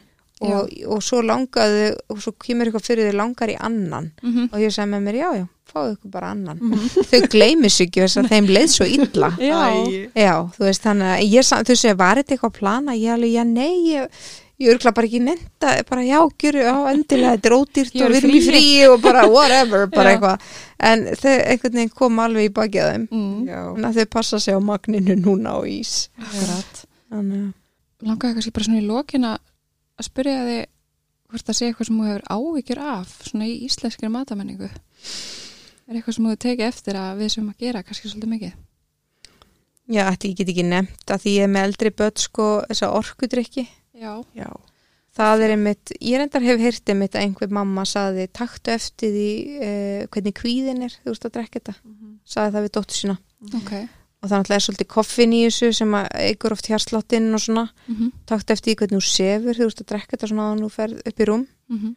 og hérna, og þessi einmitt hætti þessu bara það var bara nóg að mammina saði bara taktu eftir því hvernig að Já, ekkert að banninu Mhm. Nei, neitt heldur nei, bara, já, já. akkurat og hún bara, ok, hún bara hætti að drekka þetta þannig að hérna ég held að það sé já, ég bara já, Þetta er ágjöfni verð bara að þetta er segja. ekki gott sko, af því Nei. þau líka ef að þau fá ekki leiðbenningu Mhm. og átta sig ekki kannski alveg á þessu að þá eru þau ekkit góð kannski endilega í að tengja að, að þeim líður að hjartslatturinn og verða svona ör og get ekki sopnað og eitthvað og svo vilja þau drekka þetta þegar þau vakna þegar þau eru hálf þreytt og þetta verður náttúrulega bara ljótur vítarhingur, ég meina bara sem með kaffi fyrir mig, ég Mhm. fór eiginlegt að drekka kaffi nema bara fyrir eiginlega þú veist, 5-6 árum eða eitthvað Mhm. en hérna minnst það alveg gegja, en ég eiginlega drekk bara einn á mótnana því að annars trublar að svefni minn, ég finn það bara Já, og það finnst mér opaslega óþægilegt Mhm. þannig að hérna þetta er svona þessi tenging en ég veit ekki með þú veist, þetta er náttúrulega örugglega rosalega misamt inn á heimilum en ég veist að kannski að hérna ég hef kannski bara meira áhyggjur af því um, þessi hjarðhegðun einmitt eins og er að tala um eins og Mhm. Instagram að, að þau fylgja svo oft einhverju í blindni þau Já. eru kannski óana með sig og það er einhver fyrirmynd sem þeim uh, halda að þau vilji líkjast mhm. og hún er vegan eða hún er keto eða ég veit það ekki Já, og þá bara faraðu þú veist, og verða svona, uh, já, og svo ertu óanað með því að þetta gengur ekki upp hjá þér af því að sér mataræðið er algjört vesen. já. Í rauninni er þægilegast að borða bara svona, ve- bara svona eh, sitt lítið að hverju Mhm. og bara vera sæmilega hófsamur og ekki hafa mi- á miklar ágjur af þessu. Það er svona mestu lífsgæðin held ég í því. 100% Hitt er svo mikið vesen. Já. endalust búða bönn og Já, þetta er bara, ætla sér eitthvað á mánudegi Já. bara nú tek ég mig í gegn nákvæmlega, þetta er Mhm. dæmt til að mistakast. Já, En þú þarft miklu frekar einmitt hérna, eins og þið gerir þetta og þeir eru svo skinsamar ungar konur. Þetta með að bara að svona, já, hlusta á hvernig manni líður að því að ég held að það, þú veist, og sama við vorum að tala um lammið og ísinn og eitthvað svona, ef maður finnir að mann líður ítla einhverju, þú varst að segja það mitt líka, að þá oft langar mann bara ekkit í það. Mhm. En maður næra að tengja. já, Þú veist, það er sem bara, já, ok, Doritos, þetta fór og stilli mig, ég bara langar eiginlega ekki í það núna, ég ætla að fá mér Já. eitthvað annað. og ég líka, þú veist bara ef ég veit held að stelpunar eru að koma í kvöld í köku, Já. þá langar mig einhvern veginn bara yfir daginn að vera að borða næringaríkt Já, akkurat, af því þú Það er ætlar svona- að borða köku um Þú ætlar að kvöldið. klára Já, það. þú ert bara af því búin að ákveða þá það. hef ég meiri list á kökunni einhvern veginn og- Nákvæmlega, Hérna. það er bara alveg rétt, þá ertu svolítið að spara þig. Já, En þetta er þetta jafnvægi, sko. Mhm. En, þú veist, og náttúrulega er, en, já, einmitt, ég, hérna, en svo er maður, verður maður svo rugglara þegar maður er ekki inn á heimilum hjá öðrum, þannig að maður veit aldrei hvernig þetta er Nei. hjá öðrum. Ma, maður er ekki alveg klárað því, maður sner, snertir ekki alveg á því hvernig þetta er í þjóðfélaginu. Það er oftur að segja eitthvað sé einhvern veginn, en er það þannig, ég veit það ekki. Akkurat. En ég veit samt að orkudrykkinni það er ekki gott. Nei. og hérna, Og þeir eru líka bara allt of al, hérna, aðgengilegir. þeir Þú eru það lappar inn í búð og það er bara fyrsta sem þú sér er Já. ekki af sko, köldum orkudrykkjum. já, Alls akkurat staðar sko, og krakkanir. svona. svo Sjá náttúrulega þetta. er ekki kend næringafræði í skólum þannig að þau Nei. kannski átta sig ekki á sem er kannski að prótin og fita stabilera svolítið blóðsigurinn og gefur manni að vera mettur og eitthvað svona Mhm. þú veist þannig að og svo veit maður ekki hvort það er kvöldmatur örgla mörgum heimil er ekki tími eða fólk bara hefur ekki einhvern veginn bara, bara næri ekki utan um það eða sér ekki tilgangin eða eitthvað og þ- þá líka held ég að þau séu ofta þá náðu ekki að verða svona almennilega sött einu svona dag allavega Já, og eru kannski stöðut að geta eitthvað drasl til að fylla upp í já. þetta er svolítið svona stilli mann af þegar það er ein góð heit máltíð að minnstakosti Mhm. Nákvæmlega. Þannig að þetta er svo margt, margt í þessu. Mhm. Svo líka með orkindrykkina, þetta er ekki bara, ekki bara ágefni hjá börnum, heldur líka fullornum, mér finnst Já. það já. En svo, já, bara mér finnst margir eru að drekka bara fleiri en einn ork orkudrykk á dag, sko. já Ekki til að verið- halda sig gangandi. Já, emitt. Já, Og maður svona býður eftir í að einhvern veginn Já, liggur þetta við bara- að Já, eitthvað alvarlegt gefur komi sig. upp og, og, Já. og, og það vak, og svona vakni. já, Svona vitundavakning Já. í kringum þetta. Já. Já. mhm, akkurat. Þetta getur örugglega að vera algjör vítarhingur sko. Þegar já, þú ert komin í þetta. algjörlega, bara algjörlega. koffin yfir höfuð sko. Akkurat. Það er þó gott hvað að fara að tala mikið um svepp, hvað hann er mikilvægur og Mhm. hvað trublar hann og svona eins og koffín og svona. Já, Þetta var ekki umræðið sem að var þegar ég er ung sko. nei Það var ekkert verið að pæla í þessu. mm -mm. Og bara með svefn almennt að hann er bara grunnurinn að öllu. Já, Vist verið að fara að tala meira um til dæmis að ef þú sopnar ekki klukkan 10 þá er bara ekkit sniðut að vakna klukkan 6 og fara í rektina. nei þú ert bara ekki búin að sofa nóg þú, veist, Mhm. þetta, þú ert bara í rauninni að gera illt verra Já, en svo er annað sem að ég hef áttað mig á með árunum og það er að það er þó að maður sé alltaf best að borða hóflega af öllu, ég algjörlega trúa því Mhm. að þá finnst mér eins og sumir og ég held að ég sé svolítið þannig að þóli kolvetni verin aðrir já, ég þarf svolítið að að, hérna, að passa mig á kolvetni bara það er bara eins og ég þóli þau ekki nógu vel í miklu magni mm -hmm. og það er bara eitthvað í DNA-inu öruglega sko Ég er alveg eins, sko. Já, Bara já, svolítið bara ónýtt, sko. já, Allan daginn að ég borða of mikið kólutnum, sko. já.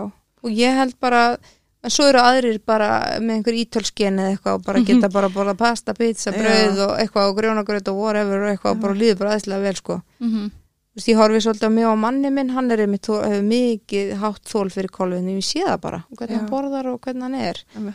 En ég er ekki eins sko. Þannig að þetta er, og þetta er svolítið snúið að reyna að fatta svona hvernig manni líður af já matnum. finna út úr þessu Já, einmitt, það tekur mörg Mm. algjörlega. ár. Já, algjörlega. Það er samt ekki að vera snúið.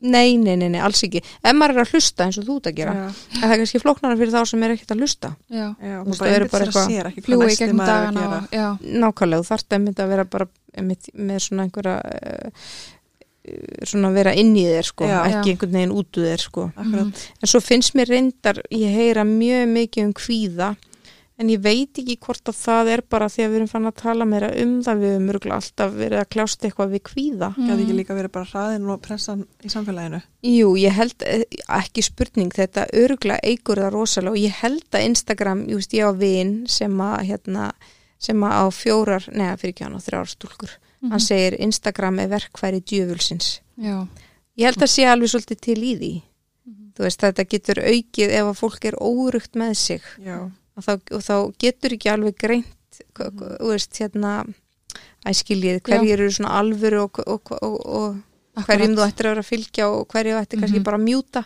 já, eða líka bara hvernig að þú ert óerug og kannski manneski sem er að sína allt rosa fullkomið fylgumið, sko, að átta sig á að að það er margt á bakvið þetta, en ég myndi Akkurat. persónlega ekki nanna fylgja manneski sem var að sæ- sína myndir á draslinu sínu og sína myndir af Nei, nei. einhverjum ógirnilegu mat og Nei, ég myndi einmitt. ekki nanna þannig að ég skil, ég, þetta er svolítið svona konflikt já, sko. það er gaman að fá hugmyndir og gaman að fá kvartninguna út frá öðrum, hann akkurat og líka oft hvetur að fólk sem að, fólki sem er að deila þessu er ofta að gera það fyrir sjálfan sig, bara svona Akkúrat. að það hvetur mig að ég akkurat, gerir fyrir og eftirmynd hérna eða whatever. akkurat einmitt. og þetta er svona eins og dagbók þú veist. Já, þetta er svona einhver lína en maður þarf svolítið að finna ef þetta er að skemma fyrir manni að maður er Já. alltaf í samanburði draga úr manni. þar sem að maður lítur í lægra haldi Mhm. Einmitt. að þá kannski þarf maður bara að bjú- mjúta og einbytta sér bara sér Já. og kannski ræður ekki alveg við þetta Að Það er bara gott að hafa í huga að það er enginn sem að borðar alltaf holt og það er Nei, enginn og það er enginn sem með alltaf fínt heima hjá Nei, sér og og alltaf með alltaf hreinn bíll reynu og Nei, það er bara enginn þannig. það er enginn þannig Já. og ég veit einmitt að hérna ég fór inn á heimili hjá einni Instagram stjórn einhvern tímann og það fyrsta sem hún saði við mig var bara æ fyrir ekki, þetta er ekki alveg eins og á myndunum já, það náttúrulega er aldrei alveg eins og á Mhm. myndunum þú veist, Mhm. það er engin alveg eins og einhverju Mm. mið þú veist, þannig að maður sýnir svona það besta þar akkurat en já, en þessi hraði, jú, ekki spurning og kannski svona væntingar þetta á að vera Já. ofullkomið, þið eru nú greinilega mjög svona jarðbundnar en Já. þetta er Já. svo misjamt Við bara erum samt alveg kvíðaboltar og, og setjum uh, ómikla press á sjálf okkar sko, og Já, sjálf, á okkur já. sjálfur sko. Já, tryggsið er náttúrulega að lækka aðeins Já. hérna uh, svona um, Kröfunar. já, Mm. algjörlega ég finn þetta breytast bara held ég með aldrinum þú veist, sko, Já, maður, þegar maður er ungur þá er maður náttúrulega bara með óþroskaðari heila Algjörlega. og þú veist hugmyndir um hitt og þetta sem að, maður kemst svo að því að þetta er, þetta er þetta bara er ekki ekkert svona hjá öllum sko nei, einmitt, Þú veist, akkurat. þannig að Það er ég finn það alveg rétt. allavega eins og Instagram hefur engin áhrif á mig núna Nei. en það hefði kannski gert það þegar ég var átján sko. þetta tegur ekki úr þér. nei, nei, nei, Já, Nei. einmitt. það er bara því maður veit bara betur Já, maður veist sér, betur, veit já. að það er eitthvað annað bakvið sko. Einmitt. Akkurat, Og maður ekki já. hengja sig á læk og eitthvað svona algjör. nei, nei, nei, einmitt það er engin svona að skoða það, sko. akkurat, nei, það er nefnilega og þá, þá ertu alveg í hilbriðu sambandi já, við þetta sko, ég held það já. A- algjörlega Mm og svo er bara þetta með að reyna að- að að stjórna aðeins streytunni sko Mhm. hvort sem það er að vinna aðeins minna eða, eða hafa bara stundum drast úst, maður verður einhver staðar að slaka á Já. kröfunum Mað, það er Já. ekki hægt að vera með allt í botni og að- skiljiði, Nei, nei. en þið vitið þetta allt sko nú bara Já. að tala við þá sem kannski eru svona hlust Já. og eru Já, eitthvað óverið nákvæmlega. með þetta nákvæmlega Við, við erum ekki þar, en þið sem eru óurug, já, það geta til eitthvað. við erum ótrúlega mikið með allt okkar á hreinu Alveg. já, Heldur akkurat betur.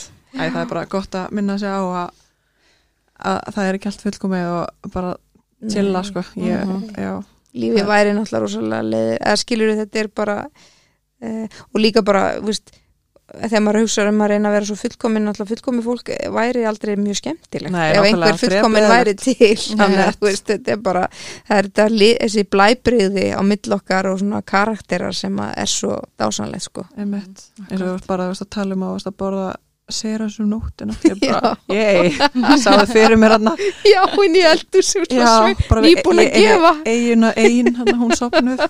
þetta er algjörlega þannig Mhm. algjörlega svo leið sko allt annað en fullkomin sko Já. Vá, svo langu við frá því Já, þú ert mjög langt frá því að vera fullkomið. já, það er bara svakalega Ég var endið að þessum orðum. já, þetta er mjög góð loka orð, ég tek svo heilsugar undir þau og mjög ána með þau af því það er líka annað þegar maður er pínu þekktur já, það er svo oft sem að fólk setur mann á stall já, það er oft svo Já, óþægilegt akkurat, af það því er að- nefnilega óþægilegt þú veist, það maður er eitthvað að reyna að segja nei, þú veist, nei, nei, nei, nei ég er ekkert, þú veist, að fólk einhvern veginn bara að ég veit það ekki, heldur Þurfa bara eitthvað að fara að útskýra sig já, og bara útskýra- ákveður að þetta sé allt svo mikið, alveg í lagi allt Já. hjá manni, en þú veist, það er bara ekkert þannig, sko einmitt, og Mm. bara pæli hvað þú ert með í körfunni og eitthvað svona þú veist bara, já, það var rosa mikið því ég var með elda með eppu þættina, þeir fengu svo rosalega mikið áhorf sem Já. var bara geggjað, mhm, það var rosa langt síðan en þeir fengu bilað áhorf, bara eins og kastljó, sko Já, ok. og, hérna, og það er nú búið að selja það út um allt í Evrópu Já. ótrúlega gaman.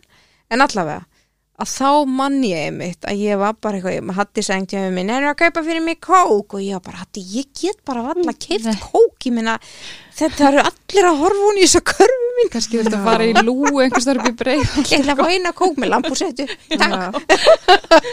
nei, nei, svo gerði ég en það láfi ég væri að leti sko fyrir manni mín að láfi Já. Mm. ég segði það við fólki kringum mig en auðvitað skiptir þetta engum máli, ég var yngri þá Já, já. og þá var ég eitthvað svona svolítið að bögglast með þetta Pæla hvað svo öðrum finnst. auðvitað Mhm, hristi ég þetta bara af, af mér sko og fannst þetta fyndið en hérna, en já, maður getur verið svo bilaður já, en það er gott að eldast og læra Já, það er alveg ekki það er nöðsilegt, sko. live and learn já. En hvað er svona döfinni hjá þér? sko ég er svolítið að leika og það finnst mér Já. geðveikislega gaman það er Ok. okay. búið að vera gúrkutíð í COVID Já, já. og já. sama með fyrirlestra það ætlar ekkert að frétta Mm. þegar, mm. eða, þú veist, þegar COVID var sko en nú er það svolítið að byrja aftur Ok, dásanlegt. já, þannig að það er bara Það er æðislegt. sjónvarpið eða leikúsið eða hvað? N- Nei, ég var, ég var leik í kvikmynd í hérna höst Ok. ekki núna í haust, heldur fyrir að haust Mm -hmm. og hérna og hefur leik, leikið í svona einstaka þáttum e, já, svona já, bara alls konar hlutverk bara útrúlega skemmtilegt sko Mhm. við stálum sræðilega gaman Já. ég er alveg bara að elska það sástu þetta fyrir, þér fyrir einhverjum árum ég ætlaði nú alltaf að verða leikona en Já. svo bara einhvern veginn, svo fór lífið með mér bara aðra leið og ég er mjög Mhm. ánað með þá leið já, að því þetta er líka snúið, ég er svolítið lunga mamma og mér finnst indislegt svolítið að svona fá að vera svona svo sem er að stúsast með heimil, ég nýt þess sko Mhm. Já. já, þetta er þetta svo misjandi, ég veit að sumin konu finnst það ógislega leðilegt, en mér Já. finnst það ekki Nei. en allavega, en þannig að þetta bara hendaði mjög vel, og þetta er bara frábært nú eru það orðin eldri, Mm þannig að þá er þetta bara alveg dásamlegt, já, Já. kækja en svo er líka alveg gaman að fara að halda aftur, eh, kannski svona einmitt einstaka fyrirlestra á námskeið fyrir svona unga fóreldra, Já. aðeins að hjálpa þeim að, að, að svona að sortera akkurat og svona, já þannig að ég er mjög ána með það og svo, já, þannig að ég er bara, þú veist, ég geri alls konar það er svo misjant eh, hvað ég er að gera en Einmitt. ég er alltaf að vinna eitthvað já, Já. en, en það er bara mjög misjöfn verkefnin sem dúkku upp og mér líkar það bara mjög vel já, það er að leikja í auglýsingu núna bara í næstu viku og eitthvað svona, mér finnst það bara mjög skemmtilegt já já, Já, ég elska hlakka það. til að fylgjast áfram með þér já langar takk að segja Ölskudnar takk kærlega fyrir að kopa og, og spjalla við okkur það er mikil ána, já, voru Það er það þetta- gaman að tala við ykkur Þetta Já. flottum hugmyndum og, og fróðleik sko. Ekkert smá. Og það er þetta að fylgjast með þér á Instagram eða ekki? Jú, á Pjúreba, já, ég svona er Pureba. eitthvað að reyna, já, Já. ég er svona, er svona sittstundum eitthvað sniðitar, en það er hellingur þar ef fólk bara kíkir, það er yllt uppskriftir við svona matamyndir, Já, Mhm. ef fólk vil eitthvað skoða það, það bara er bara, hugmyndir Geggjað. Við kíkjum á það. Já. Takk ennilega fyrir að koma til okkar. takk fyrir mig.